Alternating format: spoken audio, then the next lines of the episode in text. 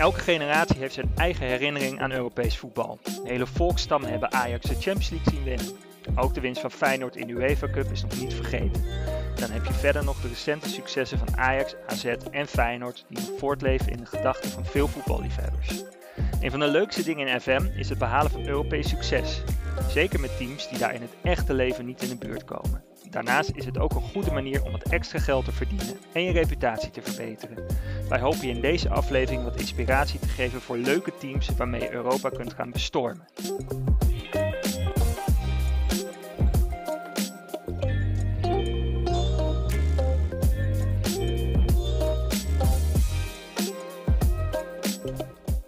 De Voetbal Managers United podcast.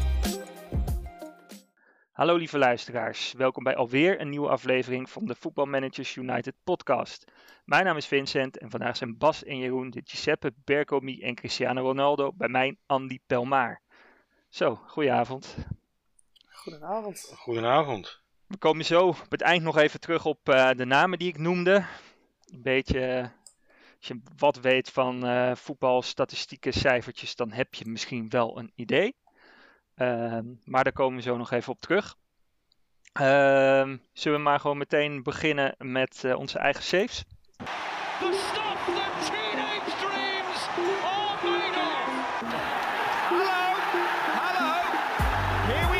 Onze eigen saves. Lijkt me en, prima. Volgens mij Jij is het... host, dus kan je niet tegen. Nee, nou, mooi, dat is fijn. Dan uh, mag Jeroen uh, beginnen, want het is langs geleden dat, dat hij hier zat. Ja, vorige keer uh, is al een tijdje geleden. Toen was ik met een save bezig waarin ik een soort glory hunter uh, was. Had ik de karakter aangenomen van Emerson, de legendarische middenvelder hè, van Brazilië onder andere. Daarmee uh, was ik met Brazilië wereldkampioen geworden, olympisch kampioen en Copa America. En toen doorgegaan naar Leipzig. Daar kampioen geworden, DFB-bokaal gewonnen. Europees wilde het niet zo erg lukken. En toen was ik een beetje flauw van. En nu ben ik uh, al een tijdje geleden een nieuw game begonnen met Atletico Madrid. Om die uh, lekker aanvallend voetbal te laten spelen. En uh, ik moet bekennen dat ik met Atletico Madrid strikerless speel. Ik ben vaak zat tegen Guido ingegaan dat je toch echt een spits nodig bent. Maar ja, nu heb ik er toch voor gekozen om zelf ook uh, to the dark side uh, te gaan. Ja, zal hij leuk vinden. Ja. En uh, nou ja, ik ben nu, ja, ik speel niet zo heel veel FM, niet zo heel vaak, ik heb niet zo heel veel tijd. Dus ik ben nu net het, ik heb net het eerste seizoen achter de rug. Ik ben wel kampioen geworden in het eerste seizoen. De, de Copa del Rey, dat was een, ging niet helemaal lekker. Dat was uitgeschakeld door een tweede divisieclub. Maar ik ben nu met de transfers bezig van het tweede seizoen. Dus. Oké, okay. en speelde je met een B-team tegen die tweede divisieclub? Of was het echt volledig onverwacht? Het was volledig onverwacht. Ja, je hebt ze er wel eens tussen zitten, hè? Ja, misschien was het ook een beetje mijn eigen schuld. Ik, uh, ik was een beetje aan het klooien met mijn tactiek en de bal ging er niet in. Nou ja, je kent ze allemaal wel. Mm -hmm. Ik werd gewoon kaart, kaart ge-FM'd. Oké, okay, ja ja, gebeur, weet je, het is natuurlijk wel realistisch. Want in het echt is, is er ook best een, uh, een kans. Zie Utrecht vorig jaar bijvoorbeeld. Ja. En, kan, uh, of was dat een derde divisionist zelfs? Nee, voor mij twee. Maar... Nee, uh, toen tegen uh, Dinges toch, Spakenburg. Oh ja, klopt ja. ja. ja. Tweede divisie. Ja, tweede, div div maar derde niveau zeg maar. Dat ja, derde niveau inderdaad, ja. ja. Heel, heel verwarrend is dat, dat het derde derde niveau de tweede divisie heet. Ja. Ja, tenminste de Bad Nation divisie zelfs, geloof ik. Um, eens even kijken. En, uh, en welke FM is dit? Want ik meen dat je oh, ja, wat ik... oude versie speelde. Ja, FM 21 speel ik nog steeds. Oh, oké. Okay. Ja, ik speel 22, dus... Uh... Ja, ik zag het, uh, maar... Nee, het is nog steeds 21. Ja, het is gewoon zo... Zeg maar, ik speel het niet zo heel vaak. Ik heb van die fases dat ik ineens weer geïnspireerd raak door het forum. ja, en dan uh, helemaal uh, weer uh, erin duik. En dan ook zo weer weken dat ik het nauwelijks speel. Of toch andere dingen te doen heb. Ja, ik ben gewoon een hele casual speler. Het schiet echt niet heel erg op. Ja, ik, ik, ik was vroeger inderdaad wel echt, nou ja, was, beheerst het echt mijn leven. Maar ik merk nu dat ik ook gewoon veel makkelijker kan zeggen, ik doe het gewoon een avondje niet. En ik heb toevallig, ja dat zou ik zo ook vertellen, uh, toevallig vandaag voor het eerst weer echt een wat langere sessie gehad in, in weken tijd. En dat is dan ook wel weer leuk, maar ik kan het ook prima gewoon even laten liggen. Dat was vroeger lastiger, maar ja, ik zit ook met een gezin, hè, dan heb je ook gewoon... Uh, dan is het, is het wat lastiger om het echt heel veel te gaan spelen. Nou, ik zie dat het eigenlijk nog wel meevalt. 3 oktober was de laatste keer dat ik de game heb aangeraakt. Oh, nou ja, een weekje terug. Ja. Uh, en heb je, heb je verder nog doelen waar je voor wil gaan? Zoek je een andere club of ga je, ga je nog verder nee, in Madrid? Ik blijf, ik, ik blijf wel bij Madrid. Echt alles winnen? Ja, alles winnen. Ja, oké. Ja. Moet, moet lukken. Daar ga ik wel vanuit. En, en Bas? Als ik, oh, ooit, als, ik, als ik ooit zover kom. ja. ja, misschien gaat ik 24 zie... toch wel lonken. Ja, ik zat er wel over te denken om die dan toch wel weer te gaan kopen. Ja, als uh, nieuwe versie inderdaad. Ik deed met FIFA altijd, liep ik altijd eentje achter. Heb ik ook echt al jaren niet meer gespeeld. En nu loop ik natuurlijk ook eentje achter. Ik heb 23 wel, maar ik had nog zo naar mijn zin met 22. Denk, ja, waarom, uh, waarom zou ik stoppen? Ja. Uh, eens even kijken. Bas, jij zat in Italië en volgens mij ook in Letland. Dat klopt. Ja, nou, Inmiddels zit ik niet meer in Italië en ook niet meer in Letland. Oh, nou, loop ik een beetje achter. Uh, nee, de vorige aflevering was inderdaad, de, was ik geëindigd volgens mij in het seizoen dat ik net was begonnen in Letland. Ja. Maar de twee competities naast elkaar spelen, dat uh, beviel me toch niet echt. Dus daar heb ik vooral veel uh, op vakantie en de tactiek ingeladen. En dat werkt eigenlijk al te goed in Letland. Dus daar ben ik eigenlijk mee gestopt. Mm -hmm. wel ben ik gewoon doorgegaan in Italië. Het seizoen waar ik de vorige keer was geëindigd. ja, was ik een kampioen geworden in de beker gewonnen. Maar verloor ik de halve finale van de Champions League. Van Inter. Al drie keer tegen gespeeld in het seizoen volgens mij nog een tegengoal gehad, maar met penalties eruit. Ah, irritant. Dus toen kriebelde toch nog om nog een jaartje door te spelen bij Brera. Uh, ja, daarop even kijken. Serie A. Wel een lastiger seizoen. Toch, uh, ja, kwam toch achter als je een paar seizoenen nauwelijks aan transfers doet, dat je dan ja, het niveau toch ietsjes minder wordt. Mm Uh, even kijken, toen ben ik er ook bijvoorbeeld in de kwartfinale van de Coppa Italia al uitgevlogen tegen Genoa. Wat trouwens uh, met een rijke eigenaar een ja, subtopper, of ja, eigenlijk wel een topper is in uh, Italië. Maar ja, dat maakt er niet zo uit. De focus lag vooral op de Champions League. Ehm, die ik, even kijken, ook heb gewonnen nadat ik in de ja, round of 16 uh, Barcelona heb uitgeschakeld. Kwartfinale Feyenoord, toch altijd pijnlijk. Halve finale Chelsea uitgeschakeld en de finale gewonnen van uh, Arsenal. Ja, mooi. En dat was eigenlijk ook het moment dat ik dacht, nou, nu met de tweede Champions League titel is het uh, hier ook wel mooi geweest. Ik ga eens verder kijken, want mm. het, ja, toch even iets opbouwen, daar had ik wel weer zin in. Toen heb ik alle Europese competities die ik heb ingeladen eigenlijk verwijderd. Dan heb ik alle uh, competities in Zuid-Amerika ingeladen. Want ik dacht, daar wil ik wel eens naartoe. Toen heb ik, uh, even kijken, een jaartje eigenlijk ben ik op vakantie gegaan om uh, te wachten tot het überhaupt speelbaar was. Wat in januari allemaal pas ingeladen werd. Mm -hmm. En ben ik, even kijken wanneer dat precies is. Mijn contract ben ik op 11 september namelijk pas, dus ja, eigenlijk echt een jaar op vakantie, ben ik uh, aangenomen bij Sporting Cristal in Peru.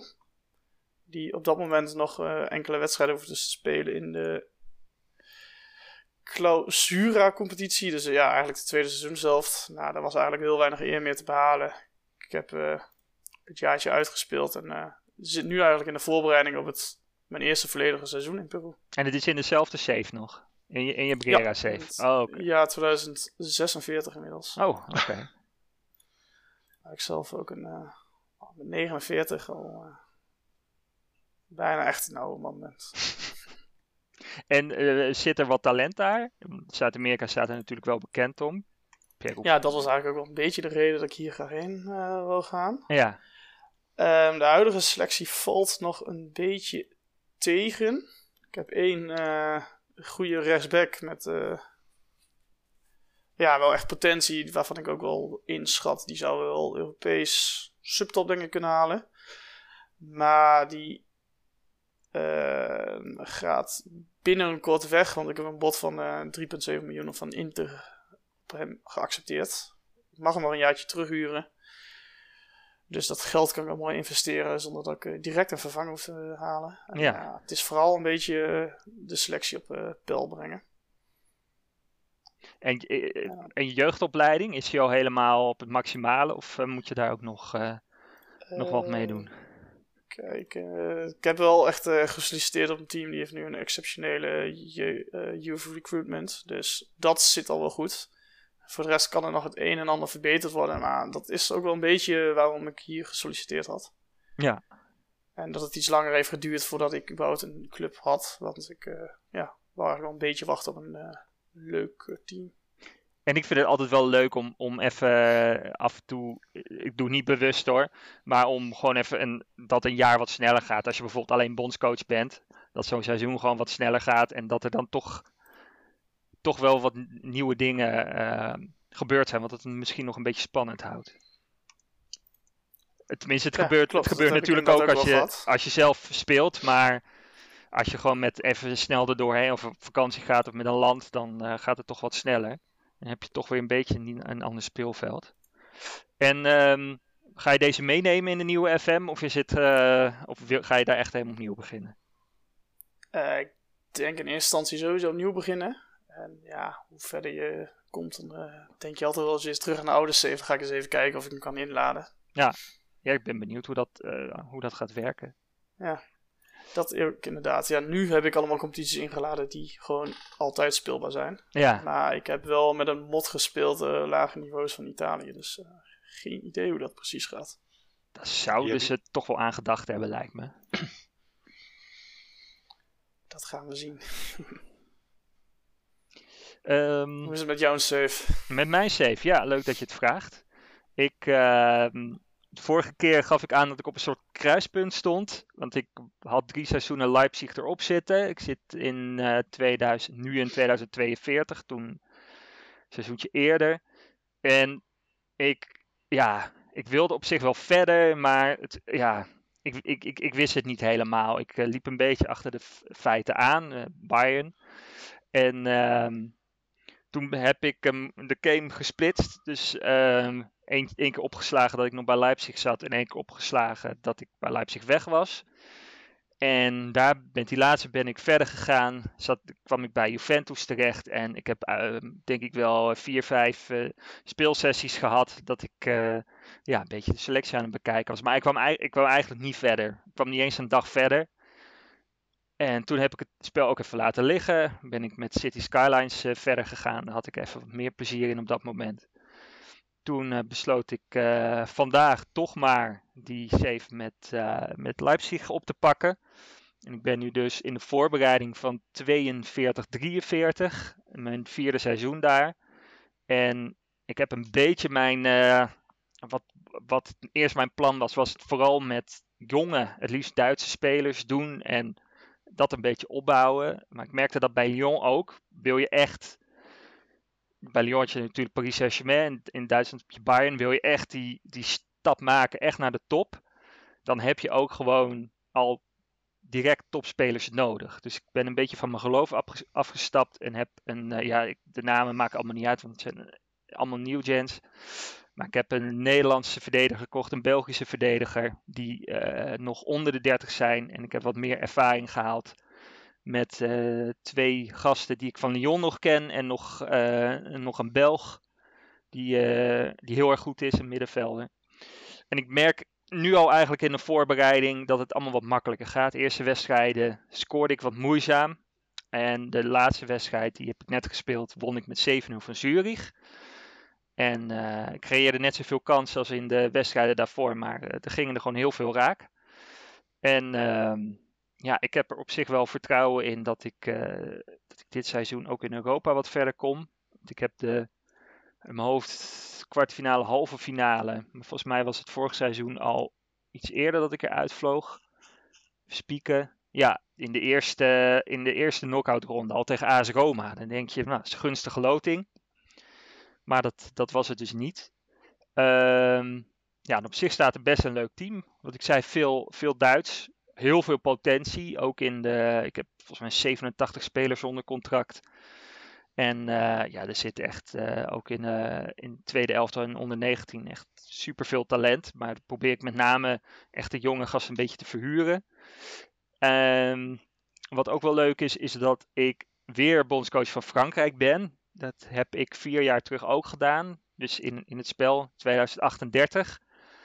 En die begonnen toen in de ehm, B-groep van de Nations League. Nou, die had ik toen gewonnen. En toen kwam de EK-kwalificatie. Dat ging echt van een leien dakje. En toen kwam het EK en ik dacht van, die wil ik winnen, dan wil ik het WK winnen. Maar ik had ook gezegd, als ik het EK niet win, dan, dan stop ik ermee. Nou ja, ik werd in de tweede ronde uitgeschakeld door, nou ja, ook echt uh, Servië of zo, zo'n team waarvan je het niet verwacht. En uh, in het echt, of tenminste de, mijn opvolger, die uh, bakte er ook vrij weinig van bij, bij Frankrijk. Dus nu vier jaar verder staan ze weer in de B-groep van de Nations League en staat er weer een Europese kwalificatie op stapel. Dus begin ik gewoon lekker met nog een keer in diezelfde, zo'nzelfde cyclus. Eigenlijk de spelers zijn nagenoeg hetzelfde als, als waar ik vier jaar geleden mee werkte. Het worden wel wat ouder.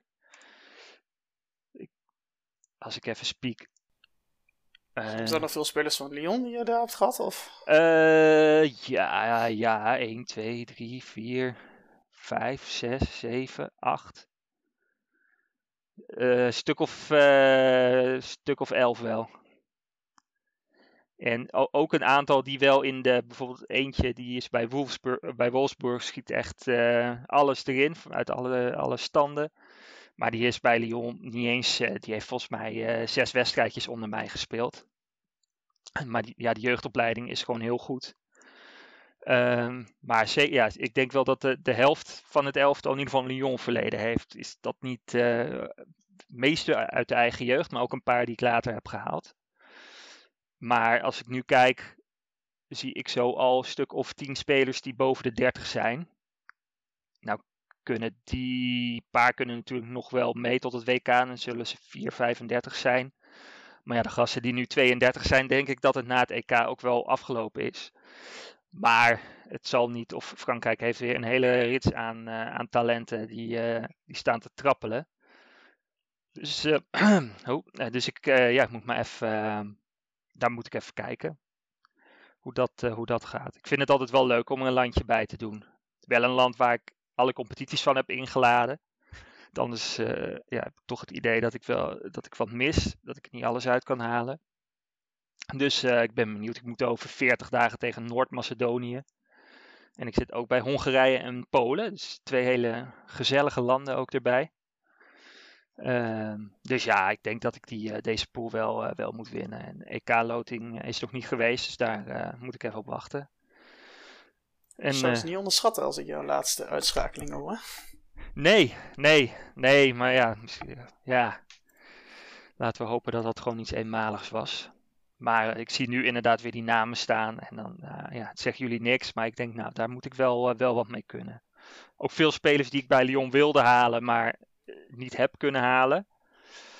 Dus het had, het had nog veel meer kunnen zijn. Maar ja, we gaan het zien. Nou, dat was het. Tenminste, voor de eigen C's. Wees niet getreurd, we gaan nog even door. Um, we gaan het uh, vandaag hebben over leuke uitdagingen in Europa. We hebben allemaal in ieder geval een aantal teams geselecteerd die we wat meer uit zullen gaan lichten. En we hebben ook nog een hele rits aan clubs met wat korte uitleg. Die zullen we op het laatst gaan doen. Die misschien ook wel leuk zijn. Bas, wil jij beginnen met jouw eerste club? It's just the most extraordinary scenario you could have dreamt of. The unthinkable unfolds before our eyes. Het thema van de week. Dat uh, wil ik zeker wel. Even kijken, even scrollen naar de teksten bij, want ik weet het natuurlijk niet allemaal uit het hoofd. Nee, dat hoeft ook niet. Um, als eerste club heb ik eigenlijk gekozen, uh, dat is uh, Breidablik Copa Vogur. Als ik het goed uitspreek. Uh, dat is een club uit IJsland. En waarom ik eigenlijk voor deze club heb gekozen is doordat zij kampioen zijn geworden in IJsland. Beginnen zij in de voorronde van de de voorronde van de voorronde van de Champions League. Dan wordt er altijd een kwalificatietoernooi gespeeld tussen de laagst geclasseerde teams. En ja, zij zijn daar dus in begonnen. En even kijken, daar hebben zij een uh, reeks gehad. Uh, via uh, Trepenna uit San Marino. Budocnost Podgorica uit, volgens mij is dat Montenegro in de voorronde toernoois. dat is echt de voorronde van de voorronde. Dat is met Malta en, en dat soort uh, landen toch? Ja, echt de allerlaagste, vier laagste uh, teams. Uh, landen bedoel ik, volgens mij zijn dat. Dat begint nou, in juni volgens mij al, of niet? Ja, klopt. Dat, volgens mij is dat altijd ongeveer als de eerste of de laatste competities zijn gestopt, dan is dat alweer begonnen. Ja. Um, nou, dat, daar waren ze ook wel duidelijk een maatje te groot voor met een 7-1 overwinning en een 5-0 overwinning. En daarna begon het echte werk eigenlijk. De Champions League eerste kwalificatieronde. Uh, gewonnen van Shamrock Rovers. En daarna wachtte dus Kopenhagen. Nou, daar, daar verloren ze van. En dan stroom je door naar de uh, derde kwalificatieronde van de Europa League. Waar ze tegen Zrinski Mosta mochten aantrainen. Nou, daar verloren ze voor. Kan gebeuren. Kijk maar naar AZ. En hoe het dan is, dan stroom je natuurlijk weer af naar de Europa Conference League. Waar ze in de play-offs tegen Struga uit Noord-Macedonië mochten aantreden. En die wisten ze uit te schakelen. Dus zij zitten nu in de groepsfase van de Conference League. En eigenlijk de reden waarom ik deze dus heb gekozen is omdat ze inderdaad zijn begonnen in de allereerste ronde die maar kan. En de kans is denk ik niet heel groot, maar als zij de eigenlijk de Conference League winnen, dan zijn ze denk ik echt uh, voor altijd het team dat het langst actief is geweest in één Europees seizoen. Van de eerste voorronde tot de laatste. Oh ja, uh, ja dat is denk ik sowieso een mooie uitdaging voor een uh, voor voetbalmanager. Zodat je dat ja, kan doen. De kans is natuurlijk heel klein in het eerste seizoen dat jou dat lukt. Maar ja, ik denk dat het voor sommige mensen zelfs nog mogelijk zou zijn. Ja. Uh, ik denk ook dat dit een mooi voorbeeld is voor de Conference League. Dat voor zulke kleine teams dat je dan uh, ja, gewoon een extra Europees toernooi hebt om uh, ja, inderdaad je reputatie te verhogen, geld te verdienen en zo door te groeien als club zijnde. Ja, maar sowieso toch uh, voor, wat was het, één of twee jaar terug was het team uit Gibraltar en uit Liechtenstein. Ik bedoel, die hadden de Europa League waarschijnlijk nooit gehaald. Nee, precies. En, en, dit, is gewoon een, dit is gewoon een mooie kans. Ja, precies. Dat uh, is het mooie aan de Conference League. En uh, ja, om dat nog even inderdaad bij. Uh, wat nog wat aan toe te voegen is. dat ze eigenlijk sinds de Conference League pas wedstrijden winnen in Europa. Kijk, ze zijn twee keer in even kijken, sinds de Conference League er is, zijn ze twee keer tot de derde voorronde van de Conference League gekomen. En uh, dit jaar hebben ze dus de groepsfase gehaald. En daarvoor werden ze altijd de eerste wedstrijd die ze speelden eigenlijk uitgeschakeld.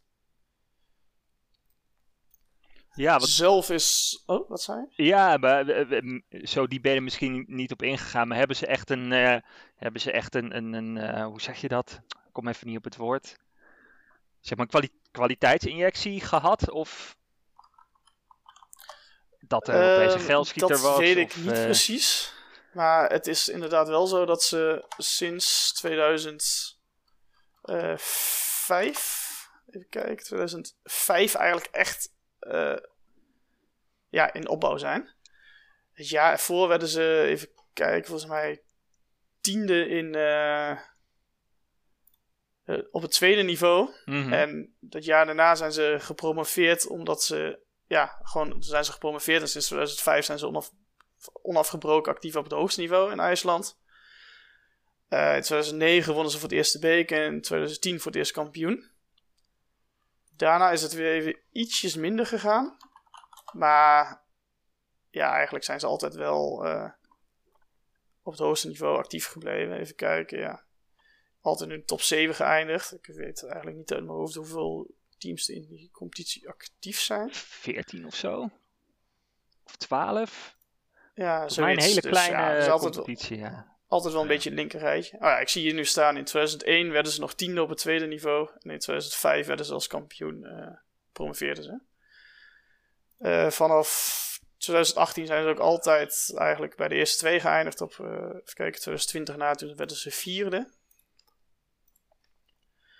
Uh, dus ja, het is echt een club in opbouw. 20 jaar tijd. Uh, flinke stappen gemaakt met een bekerwinst en twee keer kampioen dus in 2010 en voorseizoen 2022. Het lijkt wel FM. Het lijkt inderdaad wel FM. Dan zeggen ze dat het FM-sprookjes zijn, maar ze bestaan ook gewoon in het echt. Zeker, met dank aan de Conference League. Precies, ja, of dat nou de doorslag heeft gegeven dat ze in, uh, daar geld hebben verdiend, of ja, of ze zijn overgenomen, dat weet ik eigenlijk niet. Nee, het, het zal geen vetpot zijn, maar misschien voor een IJslandse club uh, natuurlijk wel. Als je ziet wat, uh, dat lijkt me niet dat er hele grote bedragen in omgaan. Nee, precies. En ik denk dat uh, ja, verdere doelstelling bij een club als dit is in eerste instantie de zomercompetitie die ze hebben. Dat is toch altijd een uitdaging met de voorrondes in de Europa die je speelt. Mensen die moe zijn en dergelijke. ja, je hebt gewoon een druk programma. Dat kan je de kop kosten in Europa of in de competitie. Want dat is in het echt dit jaar eigenlijk ook wel een beetje het geval. Ze staan op dit moment namelijk ook gewoon weer vierde in de IJslandse competitie. Ja, want je hebt, je hebt het in het begin natuurlijk heel druk. En dan stopt die competitie in IJsland. Maar stel dat je verder komt, dan heb je op dat moment geen, geen competitie. Wat het dus heel erg lastig maakt. Ja, ja, precies. Volgens mij is de competitie in IJsland op dit moment nu afgelopen. En ze spelen dus nog wel gewoon tot en met december uh, ja, wedstrijden in de groepsfase van de Conference League. Dus ja, zorgen, ja, de doelstelling is dan echt om uh, je spelers fit te houden in de drukke zomerperiode. Maar ja, eigenlijk moet je ze ook wedstrijdritme laten houden in de rustige groepsfase van de Europa League voor een team uit IJsland dan. Ja. Dat is in eerste instantie echt al een uitdaging. Ja, daarnaast is er natuurlijk uh, ja, je moet er gaan voor gaan zorgen dat je dominant in eigen land wordt. Dat uh, kan er dan weer voor zorgen inderdaad dat je in Europa geld binnen kan halen. Want ja, je hebt gewoon een uit, uh, eigenlijk een best wel lange Europese campagne al in de zomer. Want je begint in de Champions League. En als je die verliest, stroom je al af naar de Europa League. En als je dat weer verliest, stroom je af naar de Conference League. En alle wedstrijdjes die je speelt, leveren natuurlijk weer wat geld op. Dat geld, uh, ja, moet je dan weer om gaan zetten zodat je dominant, ben, uh, dominant wordt in eigen land. Zodat je inderdaad spelers kan gaan rust geven tijdens de voorrondes van Europa. Ja. En op die manier ja, moet je jezelf als club ontwikkelen, zodat je inderdaad ook Europees ja, successen wil gaan boeken. Want ja, dat is natuurlijk uh, de ultieme uitdaging. Uh, daarnaast is het ook te combineren met een uh, Building a Nation. IJsland opbouwen als land. En ja, ik denk als je op het forum de afgelopen tijd kijkt, dan zie je dat dat mogelijk is met de, de resultaten van sommige managers in die landen.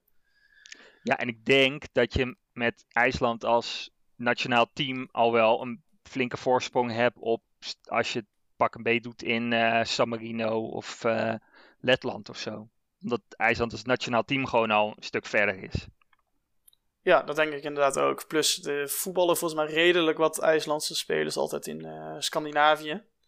Waar de competitie iets hoger, uh, van hoger niveau is. Ja, en in tweede, in Engeland zitten er volgens mij ook best wel wat in de, op de la iets lagere niveaus. Die vanuit Scandinavië toch doorstromen. Dus daar kan je best wel wat van maken al, denk ik. Ja, ja, ik denk dat het als je zo'n Building a Nation wil doen, dat misschien IJsland wel, wel een van de. dat dat een land zou zijn waar je mee zou kunnen beginnen. Wat misschien zeg maar uh, als, als land wat makkelijker en als club misschien iets meer uitdaging. Maar ja, wat je zei, er zijn genoeg voorbeelden dat daar echt wel wat, wat van te maken is. Ik heb ze in de, in de top van de coëfficiëntenlijst staan bij sommigen. Ja, precies. En wat inderdaad is, omdat het uh, huidige niveau van IJsland eigenlijk al iets hoger is, is het zelfs misschien nog mogelijk om er een uh, nationalisten-challenge van te maken. Door met alleen maar IJslanders te gaan spelen. Maakt het nog moeilijker, maar is, als het lukt, is het denk ik nog mooier. En ik denk dat het voor de ja, welbekende alliteratie-challenge ook een uh, goed land kan zijn. Ja, daar houden ze daar wel van. Ja, vaak naar de vader vernoemd of wat dan ook. En op die manier dat je dan de dubbele voornamen hebt. En wat me eigenlijk opviel aan, uh, ja, aan de Wikipedia-pagina, waar dan bekende ex-spelers altijd onderaan staan. Dat er voor uh, Nederlanders en Belgen, Belgen ook eigenlijk best wel wat bekende namen uit de eigen jeugd komen. Alfred Finn Bogason bijvoorbeeld. Alfons Samsted, die op dit moment bij Twente speelt. Bij Goat Eagles heb je uh, Willem Willemson lopen, die uh, uit de jeugd komt. Uh, Johan Berg Goedmondson komt uit de jeugd daar. De oudspeler van AZ volgens mij. Ja, ja klopt. Nu bij Burnley. Yes, Burnley inderdaad, onder company. Ja, en voor de Belgen Arna Gretason komt daar ook uit de jeugd. die enkele jaren volgens mij. Even kijken, waar had hij ook alweer gespeeld? Uh, dan komt Google altijd even goed van pas. Uh, bij Lokeren heeft hij. Uh, Daar zaten er volgens mij meer. Gespeeld. Dat zat Finn Bokason toch ook bij Lokeren? dat kan dat hij daar ook heeft gespeeld. Ja, ik, ja. Finn kennen wij in Nederland natuurlijk van uh, Heerenveen. Ja. Maar wie weet heeft hij daar ook gespeeld. Dat, En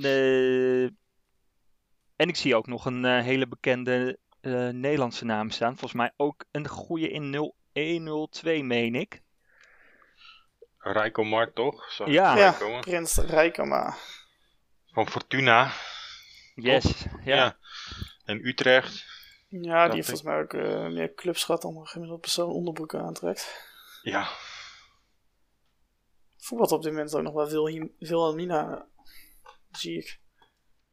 Maar die heeft inderdaad uh, drie seizoenen in IJsland gevoetbald, waarvan twee bij uh, Breidablik. Ja, ik heb volgens mij hem wel in de VI wel eens voorbij zien komen. Dat hij daar wel, uh, is ook al 38, je weet je. Ja, dat was volgens mij altijd wel een talentje, toch? Ja, hij heeft dan nog Jong Oranje en zo wel uh, gespeeld. Maar ja, zoals het wel vaker gaat met dat soort jongens, dan komt het er toch niet helemaal uit. Nee, hij heeft een leuke reis, hij heeft een leuke reis gemaakt. Als je dat zo ziet. Ik, uh, ja.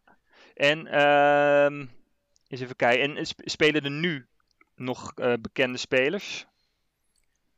Voor mij niet, want ik er zitten alleen maar IJslanders en twee, ja, twee spelers van de Faroe-eilanden. Mm -hmm. Geen idee hoe je dat eigenlijk noemt. voor mij zijn het geen bekende spelers. Even kijken. De topscorer in real life is Gisli Eyjolfsen. Rechtsbenige buitenspeler. Uh, dit ken ik niet helemaal over, maar dat heb ik even opgezocht. een andere opvallende speler is Hoskuldur Gunnlaugsson. Dat is een uh, back die in de competitie uh, eh, 9 assists heeft gegeven in het echt. Oké. En even kijken, in de database van FM23 heb ik zelf nog even gekeken naar spelers die een beetje potentie hebben. Eentje daarvan is Jason Daddy Svanporsson. Een buitenspeler met, uh, ja, die qua potentie de subtop van de Eredivisie denk ik wel aan zou kunnen. Hij is al wel 22, dus of het er echt uitkomt, dat is nog maar de vraag. En een andere uh, talentvolle speler is Arna Numi Gislason, 17-jarige buitenspeler. Die qua potentie eigenlijk ook wel de Eredivisie aan zou moeten kunnen. Die natuurlijk nog wel weer iets meer te trainen is dan, uh, Svampaston. Als je van mooie namen houdt, dan uh, moet je het zeker eens gaan proberen daar in IJsland. Ja, om te lezen is makkelijker dan uit te, lezen, ja, uit te ja, spreken. Ja. uh, eens even kijken. Uh, en hoe, hoe, doen ze het uh, in real life in Europa? In de, in de poolfase? even kijken, ze hebben de eerste twee wedstrijden verloren. Hè? Maar op zich zijn het wel met resultaat wat ja, eigenlijk perspectief biedt. Uit bij Maccabi Tel Aviv met 3-2 verloren. En thuis met 1-0 verloren van Zoya Luhansk. En Gent maakt deze groep compleet. Dus ja, inderdaad voor de Belgische luisteraars is daar ook weer een linkje. En die kunnen hun waarschijnlijk over twee weken waarschijnlijk wel op tv zien spelen. Ja, dat denk ik ook. Of ja, voor een moment van opnemen op, over twee weken. Ja, moment van luisteren denk ik een weekje. Uh, anyhow, uh, dan denk ik dat we er voor IJsland wel zijn, of voor Breidlablik uh, eh, wel zijn. Toch? Ja, heel veel meer heb ik er denk ik niet over te vertellen. Nee, nou ja, ik, vind, ik vond het heel wat. Uh, Jeroen, heb jij zin om de volgende te doen? Ja, zeker wel. Degene die jij hebt gekozen. Ja, uh, dan begin ik met uh, eh, FC SB. De kenners van het Oost-Europese voetbal. Daar gaat het vast een lampje branden, want het betreft hier een navolger van het opgeheven Steaua Boekarest. Nou, dat kent natuurlijk wel iedereen die een beetje van voetbal uh, weet, die kent Steaua Boekarest wel. van onder andere Hadji, Popescu, al dat soort namen die in, um, even kijken wanneer was het ook alweer, in 86 Barcelona versloegen naar penalties. En um, de Europa Cup 1 dat jaar wonnen. En nou ja, sinds, even kijken. Hmm, ja. Oh ja. want wat het leuke is aan FC SB is dat zij uh, de naam Stel Boekarest niet meer mochten dragen. Want die zijn overgenomen, uh, het leger. Ja, het was vroeger een legerclub en nu um, hebben ze. Um, in 2014 is er een rechtszaak geweest waarbij het leger claimde dat ze de naam terug wilden hebben. En dat FC uh, eh, toen, het toenmalige Steaua, uh, illegaal gebruik maakte van de naam. En toen moesten ze in 2017 moest uh, er een wijziging plaatsvinden van de naam. En toen, hebben zij, toen is dit uh, FCSB geworden. En wat wel grappig is, dat het leger in 2021. Zeg ik dat goed? In 2000, oh nee, in 2016 heeft het leger ook weer een, een voetbalclub opgericht. CSA Steaua in de vierde klasse moesten die beginnen. En die uh, hebben nu ook alle titels en namen van, van vroeger overgenomen. Dus eigenlijk is FCSB in dat jaar 2017 eigenlijk geschiedenisloos geworden. Dus die hebben helemaal. Die hebben, ja, die hebben geen. die, die hebben eigenlijk. Zeg maar op Wikipedia en andere websites vind je nog steeds alles over het toenmalige uh, Stel Boekarest, hè, uh, Europa Cup 1 gewonnen, Europese Supercup, waar ze aan meer deel hebben genomen. Alle kampioenschappen, maar eigenlijk staan dat nu allemaal op naam van die club die in 2016 is opgericht. Dat, uh, dat is die lege club. Die zou je ook kunnen kiezen natuurlijk. Om die op te, ja, naar boven te brengen, maar die spelen op het vierde niveau. Die spelen echt dusdanig laag dat ik die uh, links heb laten liggen en toch heb gekozen voor FCSB. Want die spelen namelijk wel op het hoogste niveau in, um, in Roemenië. En die spelen ook nog regelmatig Europees voetbal. Het afgelopen dit seizoen zijn ze in de Conference League terechtgekomen. En hebben ze helaas in de, in de uh, voorrondes verloren van. En dan moet ik dat even scrollen. Van wie hadden ze ook alweer verloren? Uh, oh ja, door Noordjeland in de derde kwalificatie zijn ze uitgeschakeld. Dus die spelen op dit moment geen Europees voetbal meer. Niet maar echt gewoon... een schande, toch?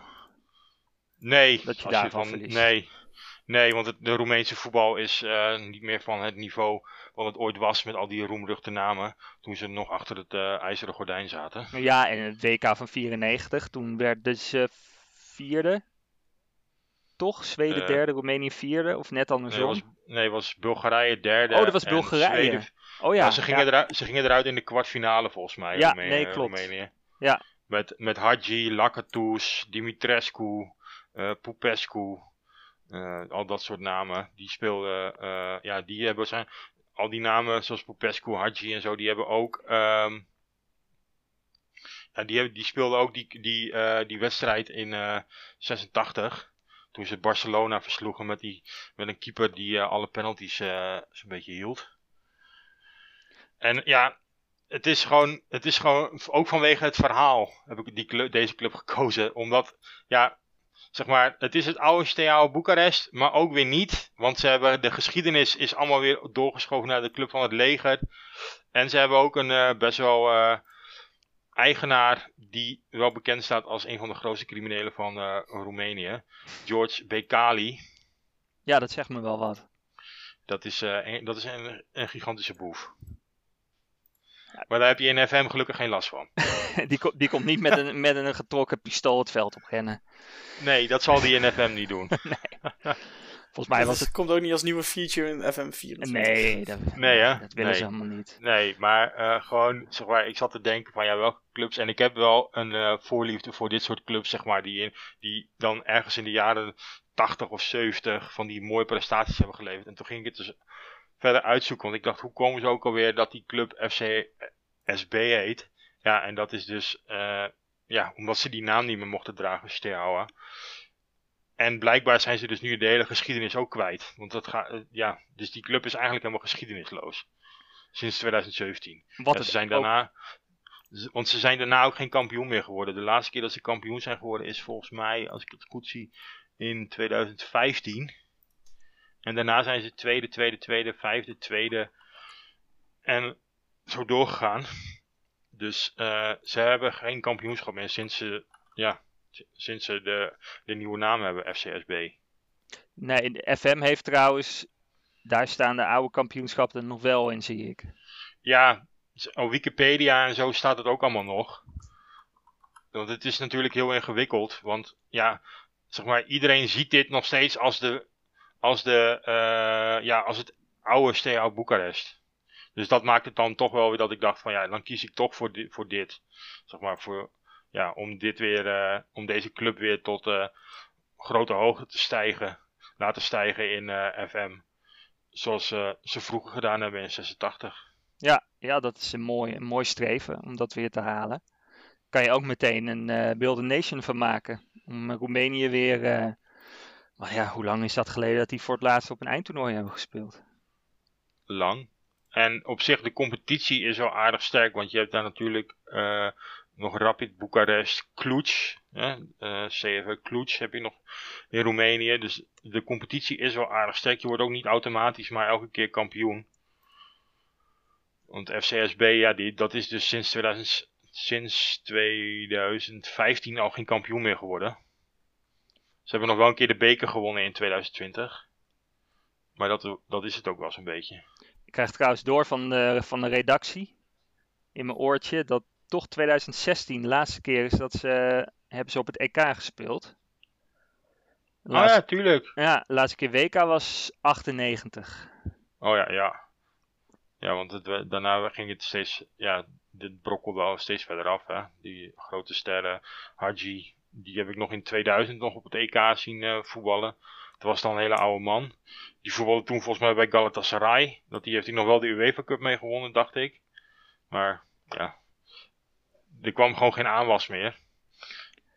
Nee, ik zou je eerlijk Van... gezegd op zijn zo na uh, niet, ik kom even niet zo snel op een, op een Roemeense speler die nu op een redelijk hoog niveau speelt. Nee, ik ook niet. Ik ga nu als een, ik ga nu als een malle zitten vast, googlen. We zullen er vast eentje vergeten waarvan je denkt, oh, hoe kan je die vergeten?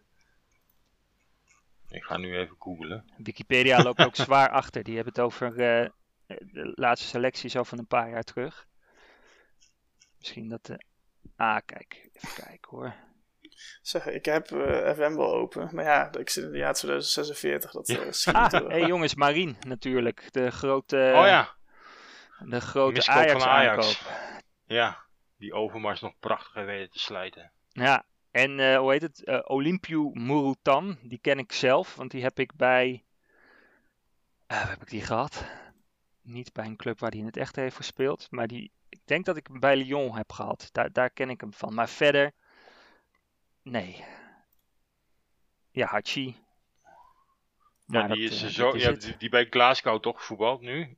Of is die inmiddels weer getransfereerd? Ja, Alaves zit hij nu op huurbasis. Oh ja, ja. Volgens mij heeft uh, Roemenië altijd wel echt een goede jeugdopleiding qua land. Want er komen altijd, elke save die ik tenminste heb, altijd wel echt een paar talentjes door die wel wereldtop kunnen worden. Klopt, er zitten altijd wel, de Mutus, die zijn er nog steeds. Zeg maar, de Adriaan Mutus van ook zo'n eh, FM-held voor mij van vroeger. Die, uh, die komen nog wel steeds door hoor. Je kan ze nog wel, maar het wordt wel, ja, het is wel een uitdaging om, uh, om het weer aardig goed te doen met Roemenië. Ik, heb er toevallig één bij Leipzig zitten, een, een gen van 20, die echt, wat een, echt een wonderkid. En die, hij, hij, speelt nu niet, maar die gaat zeker, die gaat dit seizoen denk ik wel minuten maken. Ja, ik heb er bij Brera ook inderdaad in gehad. Die uh, heeft, even kijken, in uh, had al 140 wedstrijden, ook 40 keer gescoord. Uh, dus terwijl dat hij niet eens altijd echt een basisspeler was. Oh, ik, ik, moet me zo ook even rectificeren. Blijkbaar is de Engelse Wikipedia toch iets beter bijgewerkt dan de Nederlandse. Dat de, ehm, de uitspraak dat de legerclub, hè, het CSA, Steel Boekarest dat die nog niet de totale geschiedenis mogen overnemen.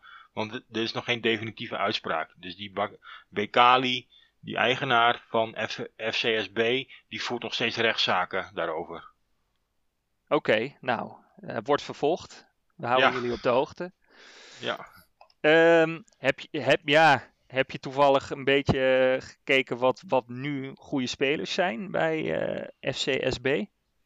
Ja, ze hebben best wel een, gemixt team. Als ik zo een beetje kijk, dan uh, hebben ze wel een aardige, aardige uh, nummer 10. Dat is Darius Olaru. Die is uh, eh, 24, dat is wel een aardige speler. En er zit ook nog een Italiaan, een een spits van 26, maar het houdt allemaal niet echt over. Maar ook de Roemenen zijn niet heel fantastisch. Want de speler met de meeste waarde, dat is, moet ik even scrollen. Ja, er zijn een paar van 2 miljoen. En dat zijn wel jonge talenten. Zoals Alexandru Pantea, dat is een verdediger die uh, kan links, zowel links als rechts spelen. En die heeft een waarde van uh, eh, 2 miljoen. Oké. Dat zijn ongeveer, ja, dat, dat zijn de, de spelen, dat is dus, ja, de 2 miljoen is wel de max, zeg maar, aan waarde van een speler bij uh, deze ploeg. Ja, dat klinkt alsof uh, Europees succes uh, niet heel snel in zit. Dat je daar echt wel voor moet gaan bouwen. Ja, en ja, dus voor mij zijn de, zijn de financiën. Ik heb dus zelf FM23 niet, dus ik kan daar niet helemaal. Maar als ik een beetje zo wat ik op internet heb kunnen vinden, zeg maar, zijn de financiën ook niet super groot. Het is niet een hele rijke club. En de, ze zijn inmiddels wel echt ingehaald, zeg maar, door de, Rapid Boekarest. Die, uh, ja, dat is wel de topclub nu in Roemenië. Samen met Cluj, volgens mij. Ja, met Cluj inderdaad. De afgelopen vijf jaar zo kampioen geworden, dacht ik. Ik zie ook in mijn save dat het inderdaad ook een uitdaging is om die van de troon te stoten, aangezien FCSB maar twee keer kampioen is geworden in 24 jaar. Oh ja, ja. Ja, dus het, wordt een, uh, het is een uitdaging, maar wel een leuke denk ik. Vooral ook vanwege de geschiedenis. Ja, en, en sowieso voor uh, uh, Bas is natuurlijk wat jonger, maar wij zijn een beetje dezelfde leeftijd. Is het natuurlijk ook wel een soort. Uh, ja, samen met Bulgarije was het een land wat toen, toen ik voetbal begon te volgen, echt goed bezig was. En wat nu eigenlijk vrij weinig voorstelt. Ja, nee, het stelt helemaal niks meer voor. Nee, dat is, het is helemaal. Uh, ja, die gouden generatie die ze toen hadden. Ja, die, die heeft tot 2000 het nog uh, weten te, te rekken. En daarna is het uh, als een nachtkaars een beetje uitgegaan, helaas. Ja, zonde. ja, die, toen voetbalden natuurlijk al die jongens ook in de jaren 90. Toen dat allemaal. toen de transfermarkt openbrak. En nou ja, het ijzeren gordijn een beetje ook in eind jaren 80 open ging. Toen gingen al die spelers natuurlijk ook allemaal naar het, naar het buitenland. Al die jongens die, uh, die spelen, uh, die speelden ja, in het buitenland. Dus ja, er bleef ook weinig over in Roemenië zelf. Ja, Cluj heeft volgens mij nog wel een keer Champions League gespeeld. En die hadden toen best wel wat geld, dacht ik. Dat ze ook, uh, die hadden ook allemaal, ex, nou ja, noem ze maar exoten. Dus binnen. Om daarmee wat verder te komen. Maar volgens mij is dat ook geen, dat was ook geen lang verhaal beschoren. Nee, hetzelfde nu met Ludogorets, toch? Volgens mij komt er amper een Bulgaar aan te pas. Klopt. Toen ik die zag spelen. Uh, heb, je, heb je verder nog iets, uh, nog iets leuks te vertellen over deze club? Nee, dit was het wel zo'n beetje, ja. Ja, nou ja, mocht je dus echt een diehard uitdaging willen, dan kan je ook met de lege club, dus wat ik die kan noemde, SCA, Steaua Boekarest, die in 2017 dus die namen terug hebben gekregen. Dat is een, dat, oorspronkelijk was het ook een lege club. Die hebben zich afgescheiden en toen die Bekali uh, in 2003 aan de macht kwam, toen werd FCSB echt, uh, nou ja, dat had helemaal niks meer met, uh, met de oude uh, Steaua Boekarest te maken.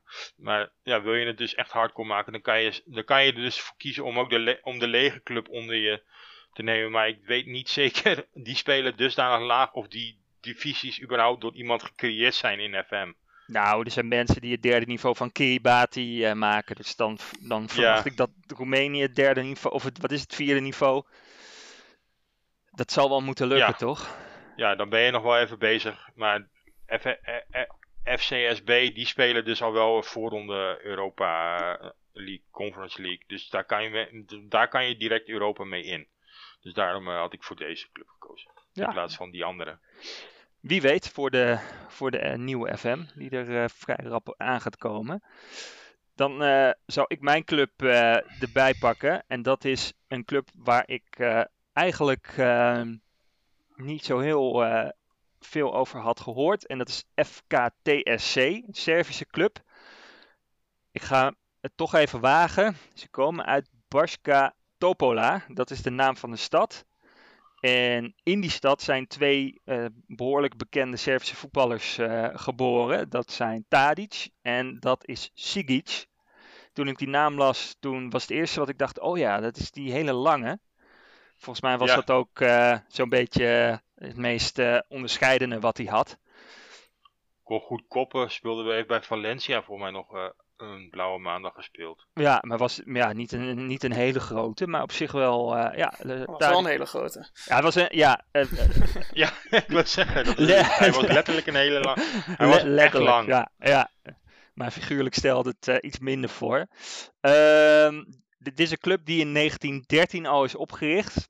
En ze hebben heel lang in, in de amateurreeksen gespeeld, in de regionale amateurreeksen. Um, ja, halverwege de jaren tachtig hebben ze wel een uh, tijdje, toen nog, uh, was toen nog Joegoslavië, daar op het tweede niveau gespeeld. Toen viel Joegoslavië uiteen en toen hebben ze op het derde niveau gespeeld.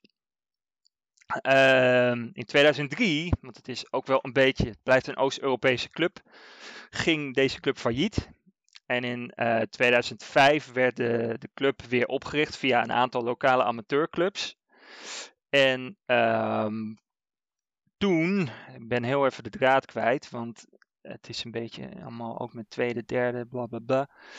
Ehm, uiteindelijk in 2015 waren ze terug op het tweede niveau. En werden ze een seizoen later werden ze derde. En de twee eerste clubs die zagen af van promotie. Ook uh, bijzonder. Uh, gaan we volgens mij zo nog wel ergens terugzien. En uh, toen kwamen ze op het hoogste niveau, de Prva Liga. Die heet volgens mij nu iets van Mozart Liga. Uh, nee, excuses. De Prva Liga is het tweede niveau. Daar werden ze kampioen. En vervolgens in 2019, 2020 gingen ze naar de Superliga, het hoogste niveau.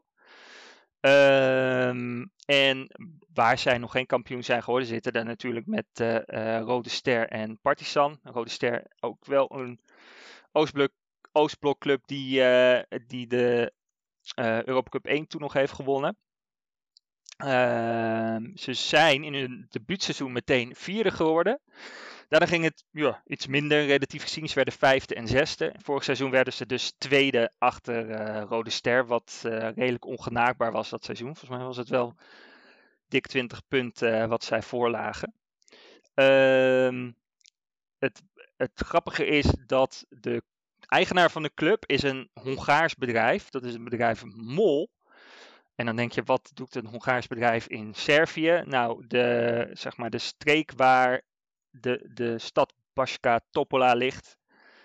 Mochten mensen het, uh, of het Servisch machtig zijn, uh, ik uh, hoor graag hoe je het echt moet uitspreken. maar die regio, de minderheid, daar is een, een grote Hongaarse minderheid in Servië. Dus vandaar dat een Hongaars bedrijf daar, daar aan de knoppen draait. Ehm als je in FM kijkt, staan ze op dit moment als, uh, aan zeg maar, het begin van het seizoen vijfde ingeschaald bij de boekmakers. En het bestuur wil dat je in het linkerrijtje eindigt.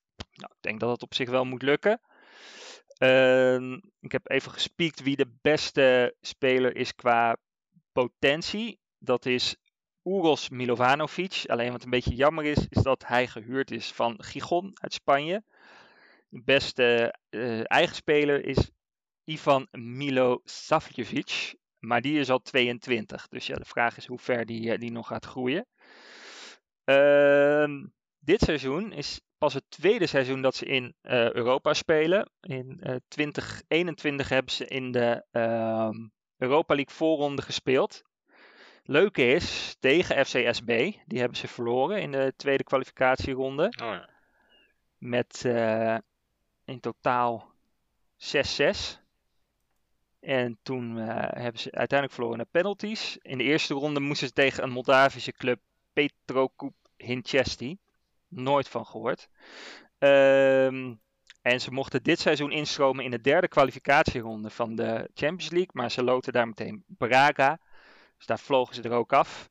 Ze zitten nu in de groepsfase van de Europa League bij West Ham, Olympiakos en Freiburg. Nou, best wel een, een leuke pool.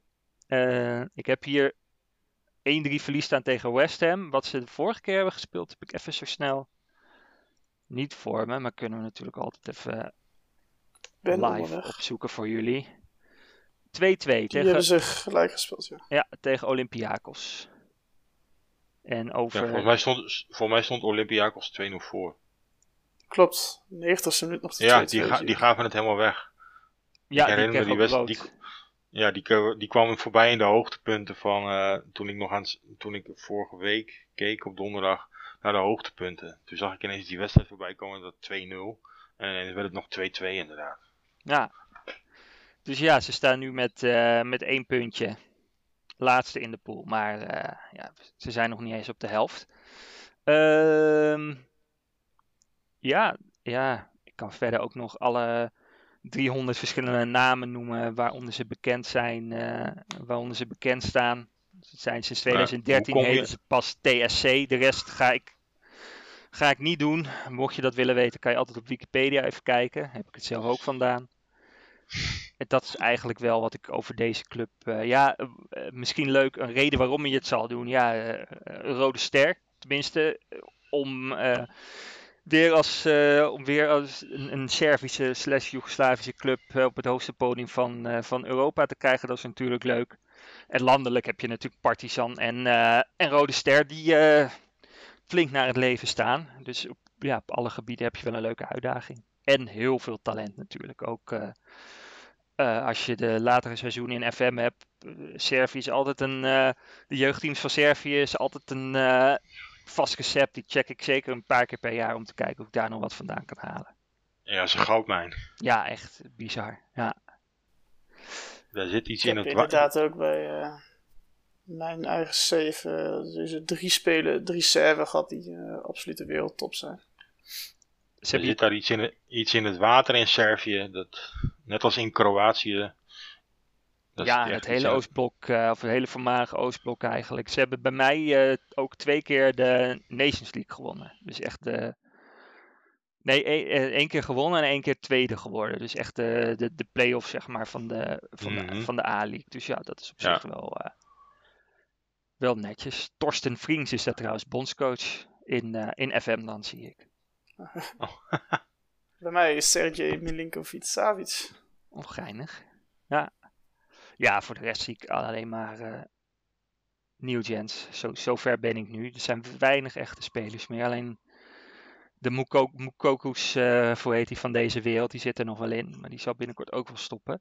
Uh, nou ja, dat was het voor TSC. Bas, je had ook nog een tweede club uitgekozen. Ja, dat is, we zijn nu overal een beetje de krocht in gegaan. Dus ik denk, ik doe er ook even één bij voor de mensen die niet van de lange adem zijn. En ik heb gekozen voor Fiorentina. Ja, de club met een van de mooiste shirts. In de jaren, ja, in, is, in de jaren 90 was dat. Met die hadden Nintendo toen op het shirt. Ja, Batistuta met Nintendo. Dat is toch wel het allermooist. Dat was wel een mooie Rui man. Costa. En zo'n mooi shirt. Ja. En Rui Costa.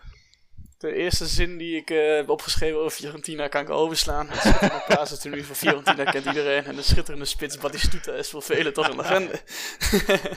ja, prachtig. Nou, dat was mijn vrouw Fiorentina. Nou, leuk. Uh, nee, even kijken. Uh, Fiorentina is toch eigenlijk wel inderdaad een club die bij heel veel mensen, ja, eigenlijk heel veel herinneringen oproept, zoals duidelijk is hier. dan is Batistuta eigenlijk toch nog een beetje voor mijn tijd, maar ja, je bent er natuurlijk bekend mee en inderdaad het schitterende Nintendo shirt. In uh, real life zijn ze nu uh, twee jaar achter elkaar eigenlijk actief in Europa. Ik denk dat in Nederland wederom is het bekend van Twente vorig seizoen in de playoff ronde. Waar ze eigenlijk nog met best wel veel moeite door zijn gekomen. En dat was in de playoff ronde van de Conference League. En ja, de meeste mensen denken, denk ik wel dat ze weten dat, dat die wel weten dat ze vorig jaar de finale hebben we uh, gehaald. Waar ze in de negentigste minuut een, ja, twee nederlagen eigenlijk leden. Waardoor West Ham hem won. En even kijken. En dit jaar zijn ze weer in dezelfde playoff ronde van de Conference League begonnen. En uh, hebben ze Rapid Wien uitgeschakeld. En zitten ze in een pool met Ferencvaros, Genk en Kukarici. Kukarici, toch een naam die geregeld voorbij komt in deze podcast met uh, Glenn die daar actief is. Uh, even kijken. Uh, het is nog niet zo heel lang geleden eigenlijk dat ze failliet zijn gegaan. En uh, van het vierde niveau zijn ze weer ja, opgeklommen naar het hoogste niveau. En dat is eigenlijk wel met een gelukje gegaan. Want in, even kijken, 2002, 2003 zaten ze alweer in de serie uh, C. En even kijken, als je meer wilt weten over hoe dat mis is gegaan, of hoe dat is uh, goed gekomen eigenlijk. Dat ze vanaf het derde niveau in één keer naar het eerste niveau zijn gegaan, komt door Caso Catania. Daar meer over vinden. moet je zelf even googlen. ja, eigenlijk met de nieuwe opzet van Europees voetbal vanaf volgend seizoen is het eigenlijk wel een soort van garantie voor dat je Europees kan spelen met Fiorentina als je het een beetje normaal doet. Sinds ze namelijk er weer zijn, zijn ze eigenlijk altijd wel in de top 8 geëindigd in Italië. Een paar, seizoen, paar seizoenen hebben ze het even moeilijk gehad, maar ja, de club zit nu eigenlijk wel goed in elkaar. Ja, ze staan nu ook op dit moment vierde, volgens mij. Ja, ze zijn echt goed begonnen. En uh, ja, ze hebben ook enkele leuke spelers. Ik denk dat uh, Nikola Milenkovic, dat de meeste mensen hem wel kennen. Dus is toch al een paar FM-series echt een uh, groot talent, centrale verdediger. Inmiddels is hij wel 25, maar ja, ik denk dat hij toch nog wel een klein beetje potentie heeft. Hij heeft op zijn 25 tot 224 wedstrijden voor Fiorentina gespeeld. Ja, wellicht is dat leuk om, als je met Fiorentina speelt, hem erbij te houden en hem een schitterend aantal wedstrijden te gunnen. Want ik denk dat hij nog wel een jaar of vijf, zes sowieso mee kan. Hij ziet ook gewoon heerlijk, spelen, heerlijk Servisch uit. Echt als een verdediger waar je een, toch een blokje om gaat lopen als je, daar, als je die tegenkomt. Ja, als je via Midjourney een uh, Servische verdediger wilt ja, dan krijg je genereren, hem. dan krijg je hem ongeveer eruit. Ja. En andere leuke spelers, bijvoorbeeld Nicolas Gonzalez.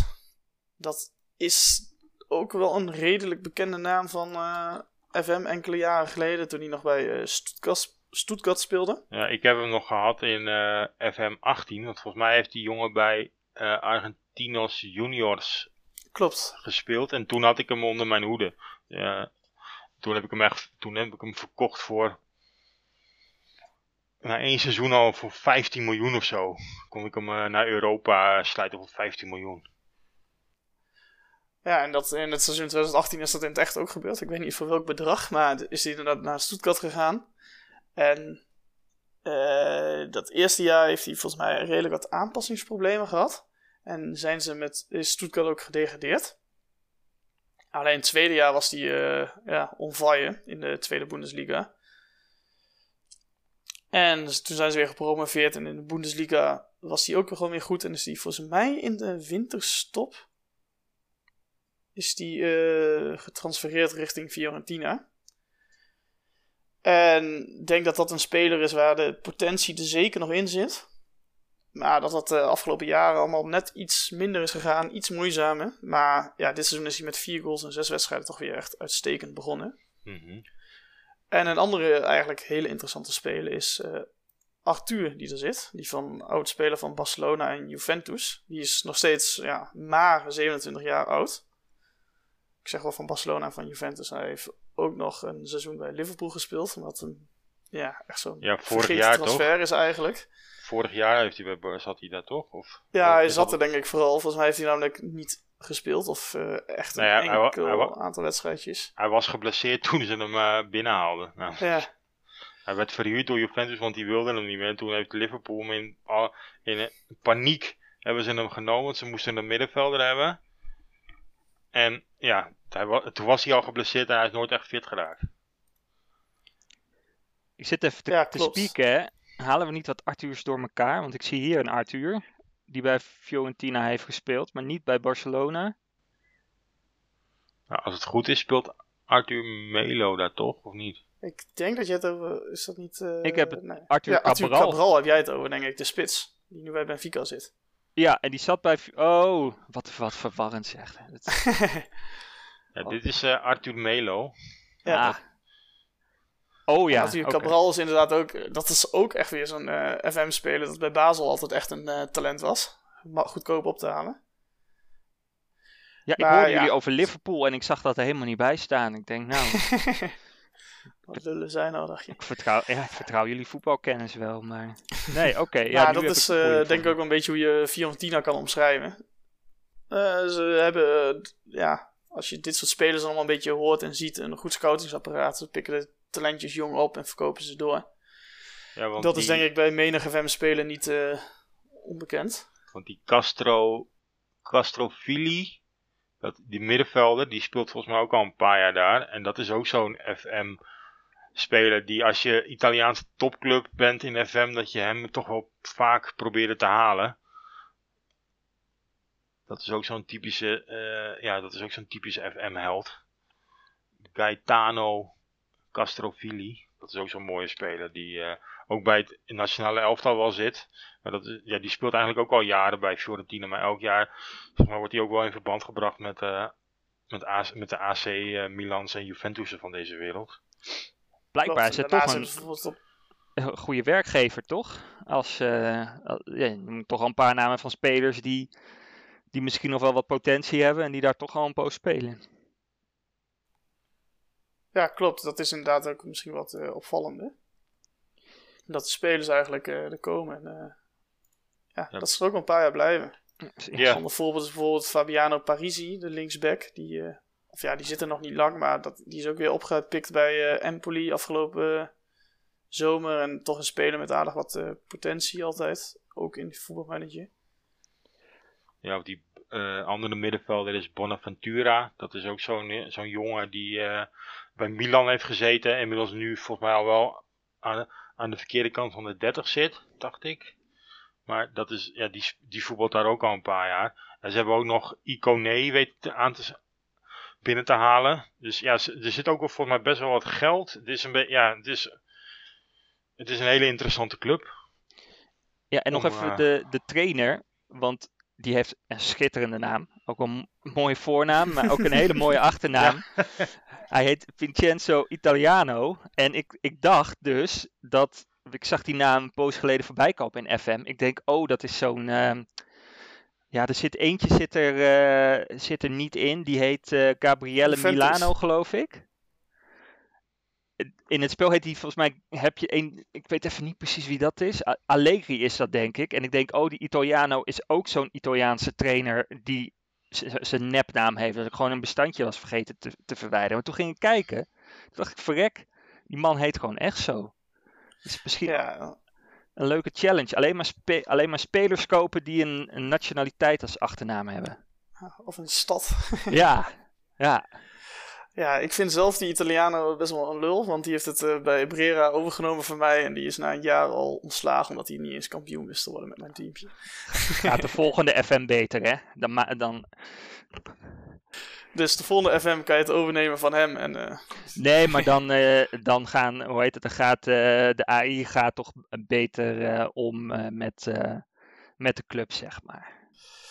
Ja, wat dan een, toch nog een uitdaging is met Fiorentina, omdat het toch al best wel een uh, gevestigde naam is. is van, uh, ja, voor de mensen met een minder lange adem, met minder opbouwen. Je hebt gewoon een team die meteen in de topcompetitie speelt. Uh, je hebt een mogelijkheid tot het winnen van de Conference League, Europa League en Champions League. Aangezien je begint in de Conference League. ja, dan kan je alle drie de prijzen winnen. Vaak is het toch zo van, vooral met een nieuwe opzet, als je niet meer kan uitstromen en je zit in de Europa, uh, Europa League of Champions League, dan kan je de Conference League eigenlijk al haast niet meer winnen. Of je moet een seizoen weggooien in uh, de competitie daarvoor. Dus ja, wellicht is dat een leuke uitdaging. En ja, je kan natuurlijk bouwen in eigen land. Sinds 2015 zijn ze niet meer in de top 4 geëindigd. En sinds 1999 niet meer in de top 3.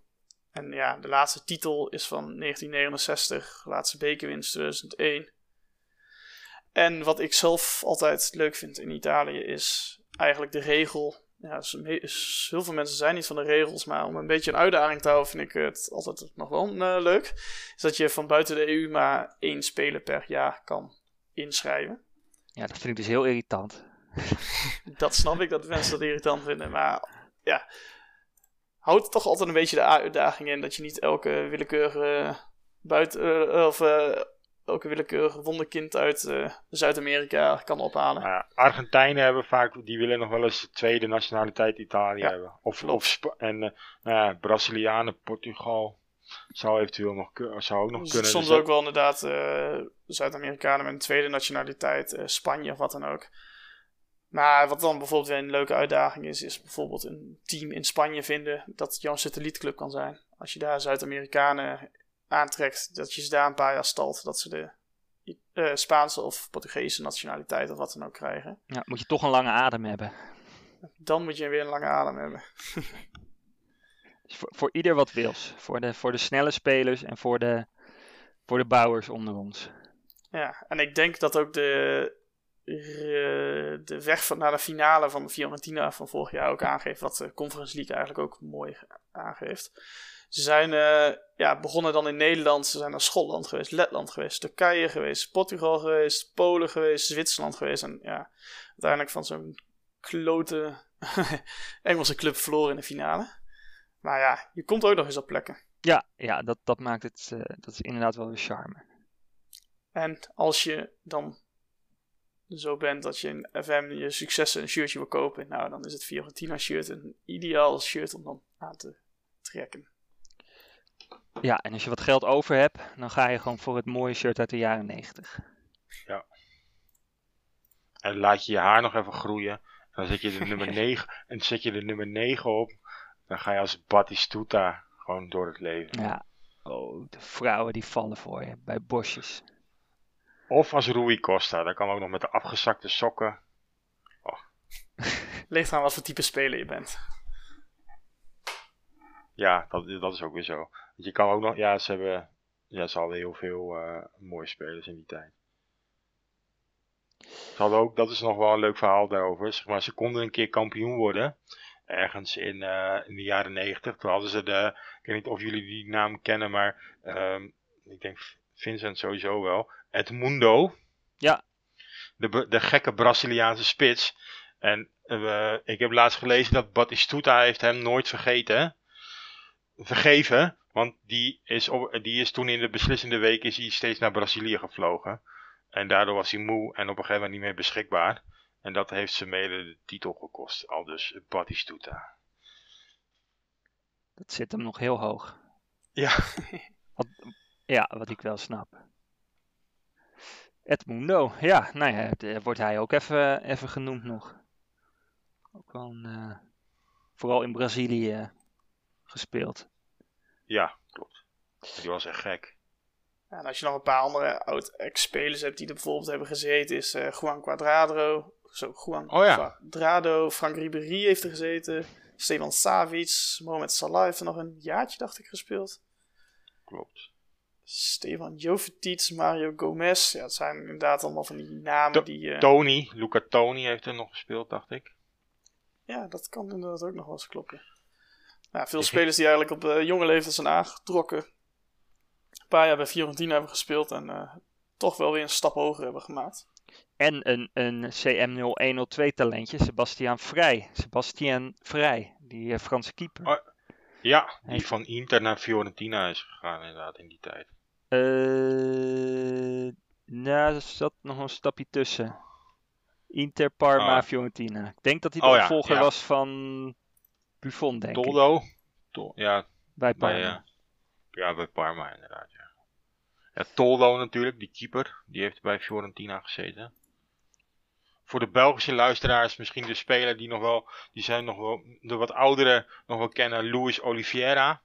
De Belg, de Braziliaanse Belg. Die zullen de, de oudere Belgische luisteraars van onze podcast vast nog wel herinneren.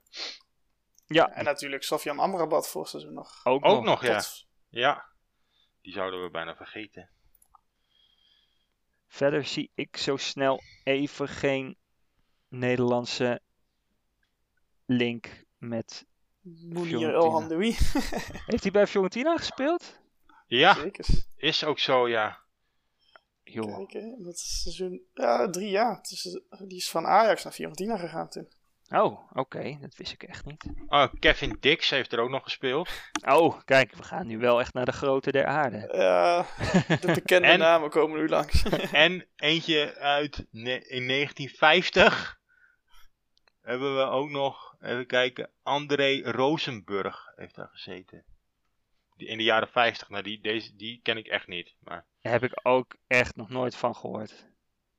Nee, maar Nederlands International tussen 48 en 55 waren inderdaad ook niet de allerbeste jaren voor, uh, voor ons team.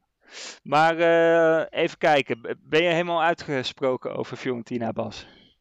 Ja, ik denk dat nu het meeste wel uh, gezegd is. Dan gaan we naar de club die Jeroen voor ons heeft. De tweede club. Ja, dat, die past eigenlijk ook wel een beetje in het rijtje van Fiorentina misschien zelfs nog wel een beetje makkelijker. Aston Villa. Die op dit moment in Engeland uh, in op het hoogste niveau met echt een sterke selectie uh, spelen. Met onder andere Leon Bailey en uh, Diaby van Leverkusen aangetrokken. En Ollie Watkins in de spits. onder leiding van Emery. Waarom ik ze dan toch gekozen heb, is ja, dat is een club die in de jaren 80 uh, één keer de Europa Cup 1 heeft gewonnen. Zeg ik dat goed? Ja, één keer de Europa Cup 1 in 81, 82 hebben ze uh, de Europa Cup 1 gewonnen. En ik heb toch een soort, ja, soort liefde voor dat soort clubs die dan sindsdien eigenlijk in Engeland ook niet meer meekomen. Ze zijn, ze zijn zelfs gedegradeerd een tijd terug. Ze hebben nog maar twee keer in de Europa League gespeeld. UEFA Cup wel wat vaker. Maar de laatste keer dat ze in Europa te zien waren. was in de Europa League in 2010, 2011. En nu spelen ze ook in de Conference League. Dus je kan ook, uh, net als met Fiorentina, kan je het hele parcours door. Conference League winnen, Euro, uh, Europa League en Champions League winnen. Dat is ook allemaal met hun mogelijk. Ja, en nou ja, hè, de FM-spelers, die kennen het wel in Engeland. Ja, je krijgt bakken met geld, dus je kunt flink uitgeven. Ze hebben ook al een aardig sterke selectie op dit moment. Dus je kan ook wel meteen voor de eigenlijk mag je misschien wel, als je een beetje goed in FM bent, is de Conference League eigenlijk al wel verplicht in het eerste jaar. Gezien de selectie die op dit moment bij hun uh, op het veld staat. Met onder andere Tielemans, ja, Zaniolo, uh, Watkins, Coutinho Paul Torres. Zit er ook toch? Ja, Coutinho zit er. Oh ja, die is inmiddels verhuurd, ja. Wel, oh. die, het enige minpuntje is eigenlijk die klote Argentijn die ze op doel hebben staan. Die Emilio, Emilio Martinez. die, die, die, die, die, halve gek. Nou ja, of eigenlijk... diep. ja, die... Uh, ja, dat is eigenlijk het enige minpuntje wat ik zo kan bedenken aan deze club. Ja, en misschien de uitdaging. Maar aan de andere kant, niet, ik ben zelf ook van dit soort uitdagingen. Dat zijn, ja, dat, als je casual FM speelt, dan is, ja, net als Fiorentina, dan is Aston Villa ook gewoon een, een, mooie club. Met sterke selectie en natuurlijk die mooie geschiedenis dat ze al een keer de Europa Cup 1 hebben gewonnen. Maar dat succes hebben ze sindsdien nooit meer weten te benaderen. En de tweede stad van uh, Engeland ook. Oh ja, Birmingham. Ja. Ja. Ja. Mooi stadion ook. Mooi stadion ook, Villa Park. Ze hebben, ja, ze hebben ook al heel lang geen uh, prijs meer gewonnen. De FA Cup hebben ze voor het laatst gewonnen in 1957. Kampioen zijn ze in de Premier League, nou, zijn ze nooit geen kampioen geworden. Ze hebben alleen de, de, toen de toenmalige First Division voor het laatst in 81 gewonnen. Dus ja, Oh nee, ze hebben nog een keer. Oh, de, de League Cup hebben ze nog gewonnen in 96. Dat is de laatste, laatste prijs die ze gepakt hebben. Dus een club met een mooi, een mooi, mooi verleden. Met sterke selectie. Ja, mooie uitdaging. ja, die ik iedereen kan aanbevelen. En misschien, zeg maar, er zit nog wel een uitdaging in. Want de Cities, de Arsenals en zo. Die zijn, en de Liverpools. Die zijn altijd in FM super sterk. Zeker Liverpool. Dus daar heb je nog wel een uitdaging om die meteen uh, van de troon te stoten. Daar heb je misschien nog wel een paar transferperiodes voor nodig. Ja, sterker nog, in, uh, ik heb volgens mij, ik zit even te spieken. Uh, Klop is gewoon al die tijd, die is nu, nu met pensioen, maar die is gewoon al die tijd manager gebleven van Liverpool. Omdat ze het gewoon over al die jaren zo goed bleven doen. Ja, ja. Ja, die zijn volgens mij echt een beetje overpowered in uh, eh, FM. Ja, maar alle Engelse clubs toch? Ja, alle Engelse clubs. Ook alle, als je ziet hoe, hoe, hoe gigantisch veel Engelse talenten er nu ook uh, in, uh, in 2042 zitten. En hoe godschuwelijk veel geld die moeten kosten. Die gaan voor 150, 160 miljoen over de toonbank. Dat is echt, mm. echt belachelijk. Maar ja. Het hoort erbij, hè? Het hoort erbij, ja. Um, ja, zal ik dan maar mijn laatste club doen? Of had je nog. Uh, Oké. Ik heb mezelf uh, vrij ingewikkeld gemaakt met de clubs die ik heb gekozen. Want ik heb nu een club uit Polen. En dat is Rakov Częstochowa. En dat is een. Ja, die komen uit de stad Częstochowa. Ik uh, ken best wel wat Poolse steden, maar deze ken ik nog niet. Ehm, ze spelen op het hoogste niveau en zijn vorig seizoen voor het eerst kampioen geworden. Dat is eigenlijk de reden dat ik ze heb gekozen. Want Polen ken je natuurlijk Legia Warschau, Wisla Krakow. Dat soort teams. Uh, is een redelijk nieuwe, nieuwe ster aan het firmament. Uh, ze hebben hun eerste prijs gewonnen in 2021. Dat was de beker. Het jaar daarop wonnen ze de beker weer. En ze werden ook natuurlijk toen, uh, toen landskampioen. En ook de Supercup is twee keer gewonnen. Um, het is een, een vrij oude club die eigenlijk pas voor het eerst in 1998 op het, uh, op het hoogste niveau speelde. Hebben ze een paar seizoenen uh, volgehouden. Uh, toen zijn ze weer gedegradeerd en pas 17 jaar later promoveerden ze weer naar de hoogste klasse. Uh, nee, sorry, ik zeg het helemaal verkeerd. Ze, ze, uh, 17, uh, na 17 jaar kwamen ze pas weer op het tweede niveau. En in 2019 kwamen ze ook weer op het eerste niveau terecht. Ehm, verantwoordelijk voor die successen is Marek Papsoen. Ik kende hem niet en hij zit nu ook zonder baan. Ik dacht, nou, iemand die zoveel succes heeft gehad, die, uh, die zal wel een andere club hebben gevonden. Maar dat is niet het, uh, dat is niet het geval. En nu zit ook een redelijk jonge manager, zijn voormalige assistent David Zwarga. Maakt het me echt heel makkelijk. Die, uh, die zit daar nu in de dugout. Uh, als je even kijkt naar wat ze in Europa hebben gedaan, speel, spelen speelden ze in 21-22 voor het eerst in de Conference League. Hebben ze niet, de, niet het hoofdtoernooi gehaald. Ze werden in de laatste ronde tegen Gent werden ze uitgeschakeld. Seizoen daarop speelden ze ook in de Conference League. En nu druk ik alweer op het pijltje, waardoor al mijn info naar beneden schiet. Zo. Ook toen haalden ze het niet, want uh, ze werden uitgeschakeld door Slavia Praag. En ze maakten dit seizoen hun uh, voor het eerst opwachting in de Champions League. En hebben ze een uh, ja, best wel mooie reeks neergezet van de eerste kwalificatieronde. Uh, tegen Flora Tallinn uit Estland. Toen de tweede ronde tegen Karabach uit Azerbeidzjan. En Aris Limassol uit Cyprus wonnen ze ook. En in de play-offs speelden ze tegen Kopenhagen. En dat werd vrij krap. Dan verloren ze uiteindelijk met 1-2. Dus het was bijna Champions League voor onze Poolse vrienden.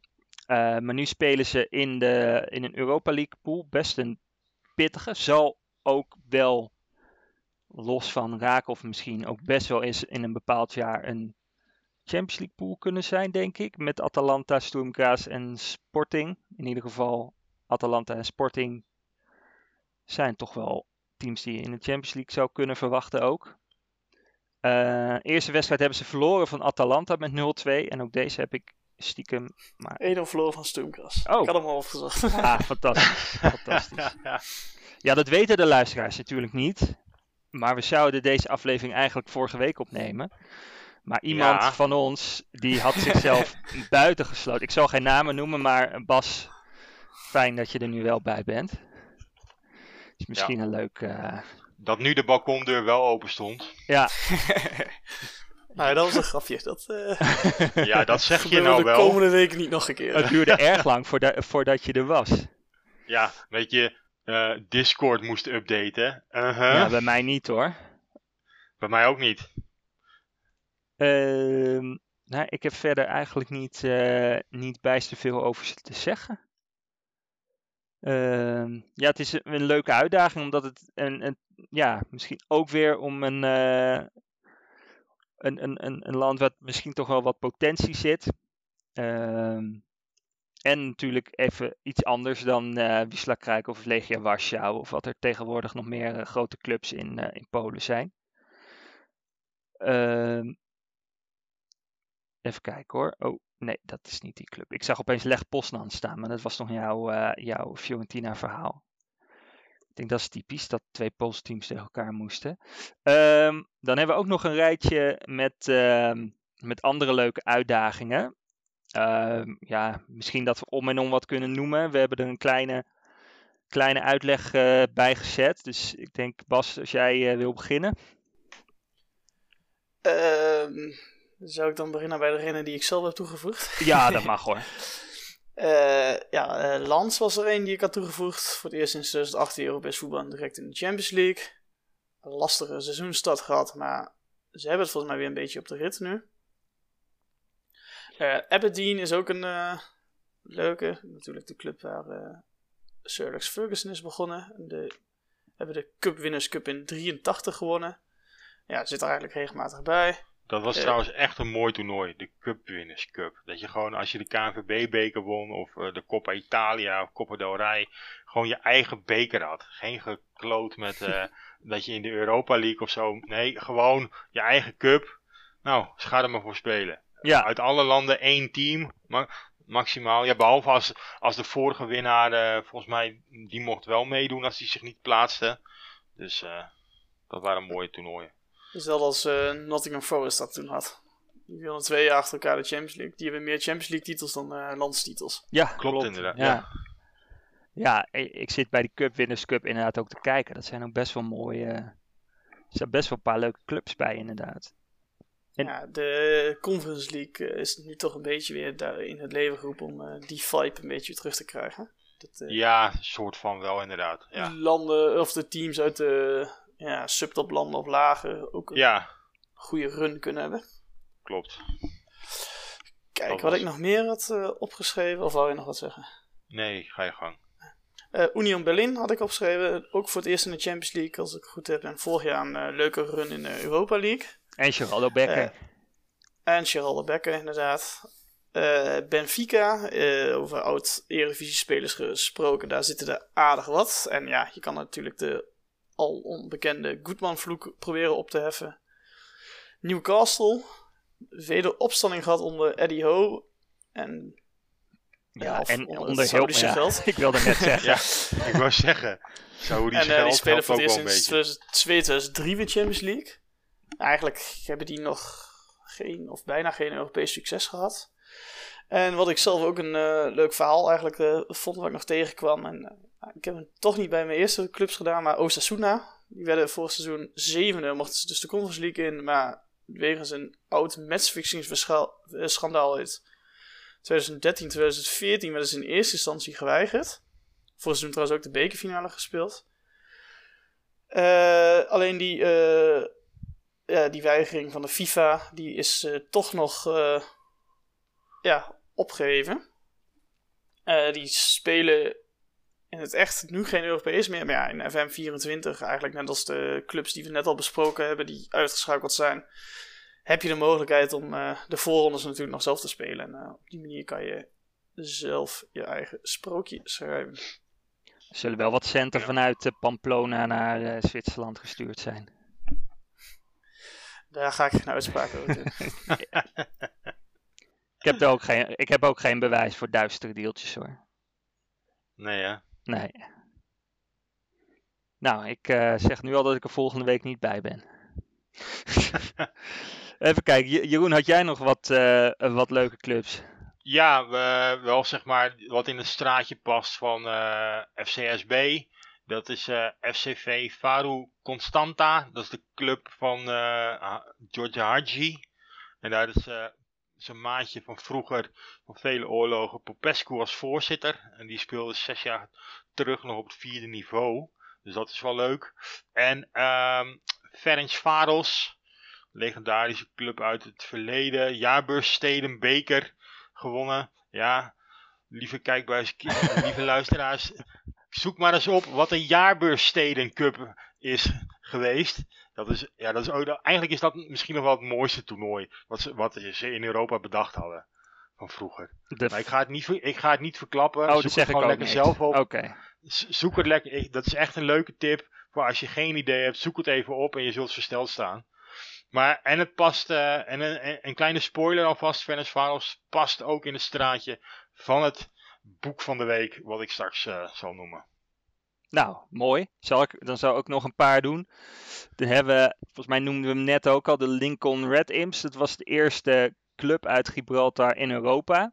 Eh, trouwens, de clubs die we allemaal genoemd hebben zijn eh, eh, in principe clubs die gewoon standaard speelbaar zijn in FM. En Gibraltar hoorde ik in de wandelgang dat SI daar zelf een, een los bestandje voor heeft waarmee je ook die competitie kan spelen. Weten jullie daar iets van? Ja, volgens mij is er altijd een geverifieerd eh, bestand in de workshop. Nou, oké. Nou, dan Typ nu Gibraltar in, als Steam een beetje meewerkt kan laden. Nou, ga- noem ik er nog eentje. Dat is Larn of Larne uit Noord-Ierland. Een club die een paar jaar terug nog op het tweede niveau speelde en nu kampioen zijn geworden. En dan hebben we ook nog, eh, eh, ja, excuseer voor de uitspraak, Valmira uit eh, Letland. Die kan je dus ook spelen. Het is een hele jonge club, komt uit 96. Dus is dat een beetje van jouw leeftijd, Bas? Zes, eh, 96? Ja. Dat is een eh, schitterend jaar. Oh, nou, dan weten we genoeg.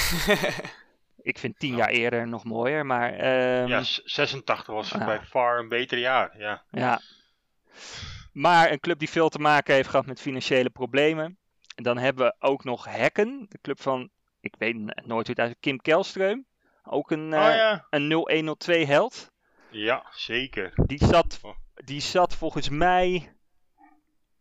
Wat, je had voor de update en na de update. En volgens mij zat hij voor de update bij Hekken. Was hij een AMC. En daarna zat hij volgens mij bij Djurgarden. En dan was hij opeens een DMC, geloof ik. Ook sowieso eh, echt een geweldige speler. Echt een... die, eh, kon ze ook, die schoot ze van alle hoeken en standen schoot hij ze in 0-1 of 2 erin. Op vanaf het middenveld. Echt. Ja, oh, ja, geweldig. kost, kostte ook geen reet. En dan hebben we ook nog eh, Adana Demirspor. En daar hebben we één reden voor en dat is Patrick Kluivert. En dat de Adana kebab echt heel erg lekker is. Probeer het een keer als je bij de, bij de Turk in de buurt bent. Ehm, en hebben we ook Wat nog... ook nog bij Hekken een mooie is, is de gebroeders Simon en Samuel Gustafsson spelen daar. En Tobias Sana. Ah, kijk. Ach. Ook zo'n legendarische Ajax aankoop. Ja, fantastisch. Oh, Ja, die kleine krullenbol die er geen kloten van komt. Sananas werd hij toch genoemd. ja, oh, man. Oh. Eh, eens even kijken. Eh, en dan hadden we ook nog Brighton. Ook een, natuurlijk een hele mooie opmars gemaakt. Het spel wordt geroemd. Debuteren in Europa. Het gaat, eh, ging even wat moeizaam. Maar is natuurlijk ook een hele mooie, een hele mooie uitdaging. ja, Ehm, Wat ik, wat, wat ik altijd bij Brighton zo jammer vind, en dat, kon- dat, daar kan FM niks aan doen, maar die hele gedachte daarachter van die club, met eigenaar Tony Bloom, die alles op data en zo, die is super rijk geworden met gokken. is het niet en van Brentford? Of, die van, of doet die van die Brighton van- dat ook? Ja, van Brighton doet het ook, Oh, Tony. Bloom doet het ook. Ja, er zijn er twee. Van Brentford is ook, eh, die heeft ook zo'n bedrijf. En eh, Tony Bloom is volgens mij, die is rijk geworden met pokeren, schiet- dacht ik. En die heeft daar, en die inderdaad. doet ook heel veel met data. Die is toch ook de eigenaar van eh Unions... Ja, ik weet het, die Belgische ploeg. eh, Ja, Union. Saint-Gilles. Ja, ja, maar die doet ook veel met data. En dat is, ja, maar dat kan je gewoon in FM, kan je dat bijna niet, zeg maar, die strategieën, die filosofieën, dat kan je bijna niet, eh, eh, eh, ja, die AI kan daar gewoon niet zo goed mee omgaan. Dus dat is wel heel erg jammer, want ik, als je, ik heb een abonnement op The Athletic, hè, niet om reclame te maken nu, maar The Athletic is mooie journalistiek. En die schrijven veel over, ook over de gedag, de, de filosofie, zeg maar, van die club. En er zit ook een hele, ja, als je into data bent, is dat echt een fascinerende club om te volgen. Ja, ja wat, eh, die gast van Brentford, Matthew Benham, die eh, was dus een hele goede gokker. En die heeft die Mhm. kennis gebruikt die om zeg maar Ja. spelers te kopen. Ja, wat heel vet is, maar inderdaad in FM eh, ja, vrij lastig te simuleren. Zo zijn er wel meer dingen die niet echt, niet echt overeenkomen. Van, eh, verlies echt in met eh, FM7 net met 3-1 van Brighton in die wedstrijd. Oh, nou, sorry. Ehm, ja, nou, dan hebben we dat rijtje eigenlijk gedaan. En dan gaan we verder met de heilige drie-eenheid van de, van de podcast. En dat eh, is natuurlijk clubspeler en boek van de week. Ehm, heb jij zin om te beginnen, Bas? Is goed, zullen we dan toch nog maar een clubje erbij doen? Yes. Just brilliant! He gave that the works. Oh, what about that? What about that? De club van de week. Ehm, de club van de week is. eh, nou, we hebben ervoor gekozen om helemaal niks met Europa of Europees voetbal te doen. En eh, het is Skunthop United. En de vraag waarom? Nou, omdat ze er binnenkort misschien niet meer zijn. Ja, ik heb het Eh, gelezen.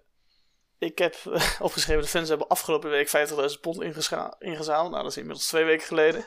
Eh, dat hebben ze gedaan om het, eigenlijk het personeel van de club te betalen. Nadat de eigenaar de geldkraan heeft dichtgedraaid. Die eigenlijk pas sinds januari van dit jaar eigenaar is. Ehm, ja, vanaf september laat hij eigenlijk al weten dat hij de club wil verkopen. En nu heeft hij dus de geldkraan volledig dichtgedraaid. Eh, dit is volgens mij allemaal ook ontstaan door een eh, conflict in, eh, tussen de nieuwe eigenaar en de vorige eigenaar. De vorige eigenaar die nog de eigenaar is van het stadion. En daar hebben ze een ja, meningsverschil over gehad. Ja. Het is eigenlijk zo erg zelfs dat ze nu... Of de, even kijken, de wedstrijd van 7 oktober... niet in eigen stadion hebben gespeeld. Dat, tenminste, dat was de verwachting. Maar ik zie nu op Fotmob staan dat er wel op Glenford Park zelf is gevoetbald. Dus misschien is er vorige week nog een dealtje ge- gesloten. Want dat is, nog, dat is wel gewoon het stadion van Skuntop. Of het staat natuurlijk fout in die app. Ja, en die nieuwe eigenaar die wordt er ook van verdacht eh, dat hij eigenlijk gewoon een dikke oplichter is. Heb ik op The Athletic, eh, weer The maar heb ik, daar, heb ik daar gelezen dat die man, zeg maar, die heeft ook allemaal, die heeft zijn naam ook veranderd. Hij, uh, hij is oorspronkelijk geboren als een andere persoon. En hij gebruikt, hij heeft ook andere namen onder oude businessbedrijven van hem, heeft hij uh, andere namen voor gebruikt zo. Ja, het is echt een heel schimmig persoon. Dus die club, ik vrees er een beetje voor. Tenzij de community het uh, allemaal nog weet, te redden. Er zijn niet veel uh, Engelse clubs die, zeg maar, die in het, in het, hoe heet het, in, in het league systeem spelen die niet meer bestaan. Ik weet Ru Russian and Diamonds. En Bury volgens mij, toch? Bury is er weer. Oh ja, oké. Okay. Maar die, die, die, zijn, die zijn op een bepaald moment verdwenen. Klopt. Ja, ja vaak is het inderdaad wel dat een uh, fan of wat dan ook, uh, of een rijke fan het dan overneemt of wat dan ook.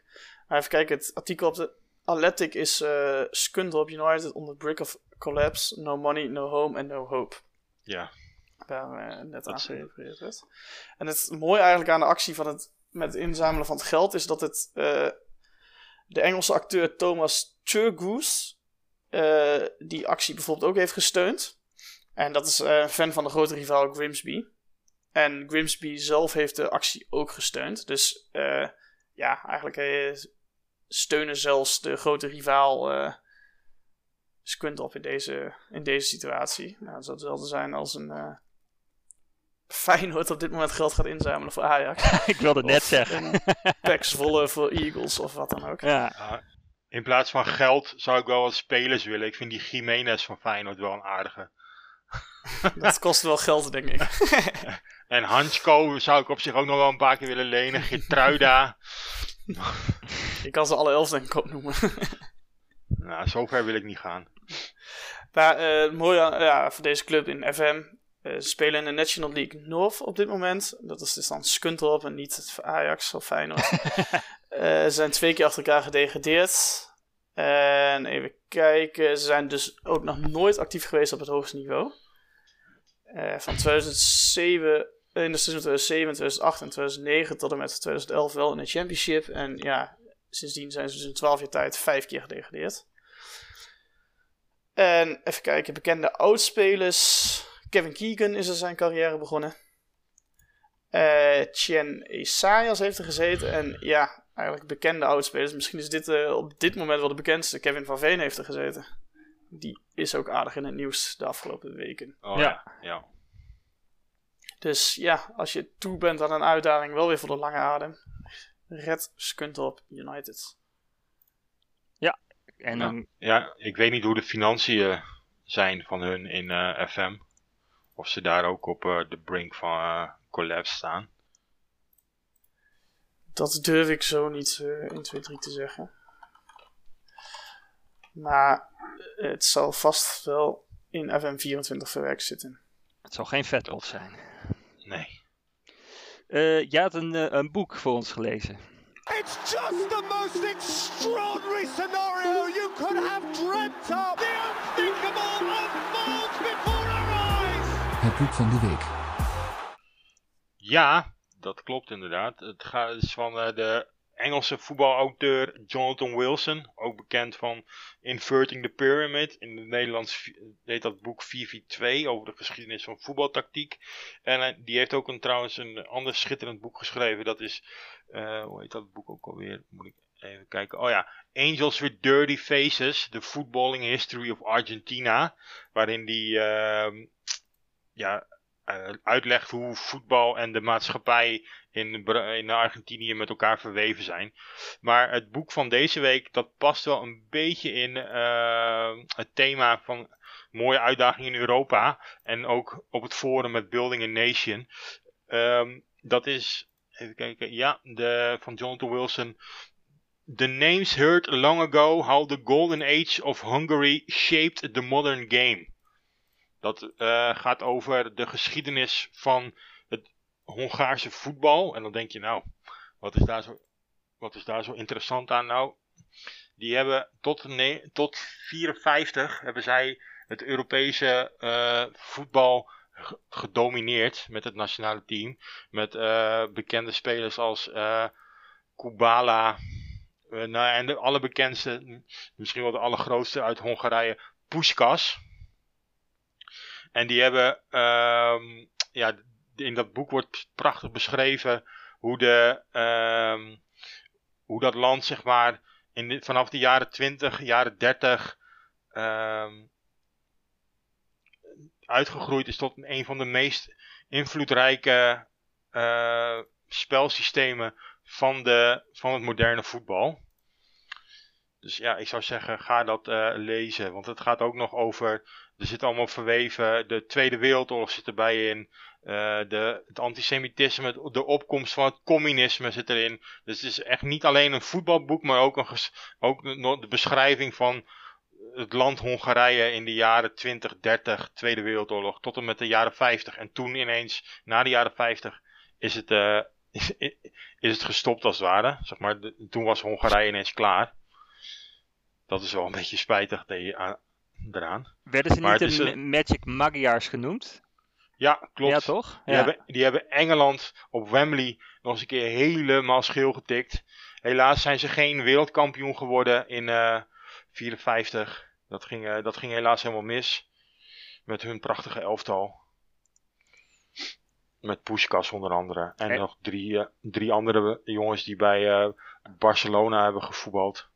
In die tijd. Kosic zag ik ook voorbij Kosic, komen. Dat is ook wel Sibor en Kosic, Sibor en nog eentje.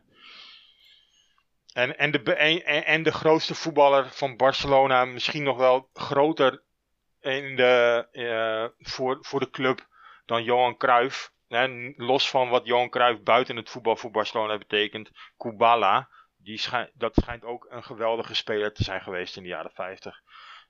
Voor Bar ook bij Barcelona, die, die, sommige mensen uit die tijd die nog leven, die noemen hem beter dan Cruijff. Nou. Ik heb de beste man nooit zien voetballen. Ik ken alleen de verhalen en natuurlijk de zwart-wit beelden die ik wel eens gezien heb van die magische magiaren. Maar, dus ik kan daar niet over oordelen, maar... Als ik dat soort beelden dus zie, denk ik, daar had ik ook moeiteloos in meegekund. Ja, hè? Dat, dat, tempo en zo, ja. Nee, maar het is, een, uh, het is een geweldig boek en een mooi stukje voetbalgeschiedenis waar misschien lang niet... Zeg maar, ik wist wel dat, die, hè, de, dat de magische Hongaren hebben bestaan met Puskas en zo. Maar ik wist niet de invloed die die voetbalidentiteit van Hongarije gehad heeft. Zeg maar de opbouw van het spel. Hoe zij het, het spel gerevolutioneerd hebben in die tijd. Dat wist, ik, dat, dat wist ik helemaal niet. En dat wordt mooi beschreven door Jonathan Wilson. Die heeft een goede pen. Nou ja, een mooie aanrader. Dan gaan we naar. Eh, eh, nog één, oh, één dingetje. Het, het, boek is ook in het Nederlands te verkrijgen. En ook als luisterboek. Dus als je niet van Engels. Als Engels je niet je favoriete leestaal is of luistertaal. Je kan het ook in het Nederlands of in, in het Nederlandse luisterboek kopen. Nou, dat is een goede tip. Ehm, dan gaan we naar de laatste. Uh, dat is de, natuurlijk de speler van de week. What is going on here?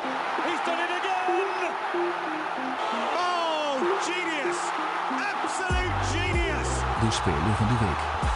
En ik noemde aan het begin van de podcast noemde ik al uh, drie namen. Hebben jullie enig idee waarom ik die namen noemde? Ronaldo is de speler met de meeste doelpunten in Europa. Ik, er, is iets met eh, Ber er, er, is iets ook met Bergomi. Is de meeste wedstrijden misschien Europees? Ja, Ronaldo meeste wedstrijden in de Champions League. Ber Oh, ja. in de Europa League. En dan eentje, ik had echt nog nooit van hem gehoord. Ik denk dat hij Andy Pelmar heet. Hij is Frans. Met uh, tweede, tweede, nationaliteit is Guadeloupe. Dus een leuke voor de Poker Player Challenge. Wat jammer is, is dat hij ook nog van zijn moederskant een uh, Malagasische, heet dat geloof ik, nationaliteit heeft. Maar die hebben ze niet in, in FM verwerkt. Oh, jammer. Ja, Kennen jullie hem?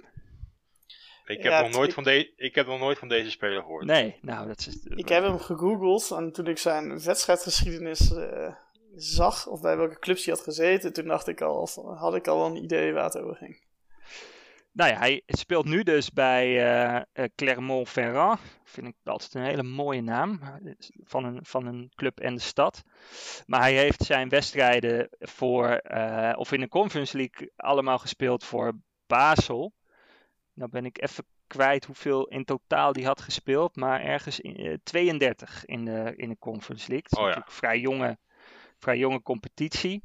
Um, hij komt uit de jeugd van Nice daar nou, was hij nooit echt basisspeler. Toen is hij verhuurd aan Basel en daarna uh, verkocht. Heeft hij vrijwel alles gespeeld. En toen is hij naar Clermont gegaan. En ik weet niet in hoeverre uh, Wikipedia is bijgewerkt, maar daar heeft hij nou ja, hij zou al meer gespeeld hebben dan één, neem ik aan. En hij is uh, ook voor alle vertegenwoordigende elftallen van Frankrijk heeft hij, uh, heeft hij gespeeld. Nog niet voor het grote Frankrijk. Ik weet ook niet of het zover gaat komen. Ik heb hem in FM ook even opgezocht. In uh, 23 heb ik hem even bekeken. Hij, ja, het is een redelijke verdediger. Centrale verdediger. Hij heeft attributen die een centrale verdediger uh, moet hebben zitten een beetje ja, rond de 12, 13, 14. Dus best oké. Uh, ik vind hem zelf wel vrij klein. Hij is 1,80 meter. Ik hou zelf toch wel van wat langere verdedigers. Nooit helemaal geweten of dat echt in superveel uitmaakt in FM. Maar uh, ja, doe het toch. Hij is ook vrij licht. 68 kilo. Uh, dus ja, een, uh, ik weet, ja, op zich een, een, een, een, redelijke, een redelijke speler. Met ook nog wel iets uh, potentie. Hij is 22. Uh, maar ja, ik, uh, ja ik, ik ken hem dus echt niet. Dus dat, uh, dat is oh, wel leuk. Ehm, dan zijn we er denk ik wel, hè? Dat denk ik ook. Ja. Nou. Ik denk dat it's a wrap. Ja, dan wil ik jullie allemaal bedanken voor het luisteren. Vragen kun je insturen via X, voorheen Twitter. En natuurlijk een podcast.manunited.nl. Wil je hier zelf een keer bij zitten, kan je altijd laten weten. Um, je kunt natuurlijk ook altijd suggesties voor andere onderwerpen aan ons doorgeven. En vergeet je vooral niet te abonneren op onze podcast, zodat je gewaarschuwd wordt wanneer we een nieuwe aflevering droppen. En dan zeg ik uh, dag. De Voetbal Managers United podcast.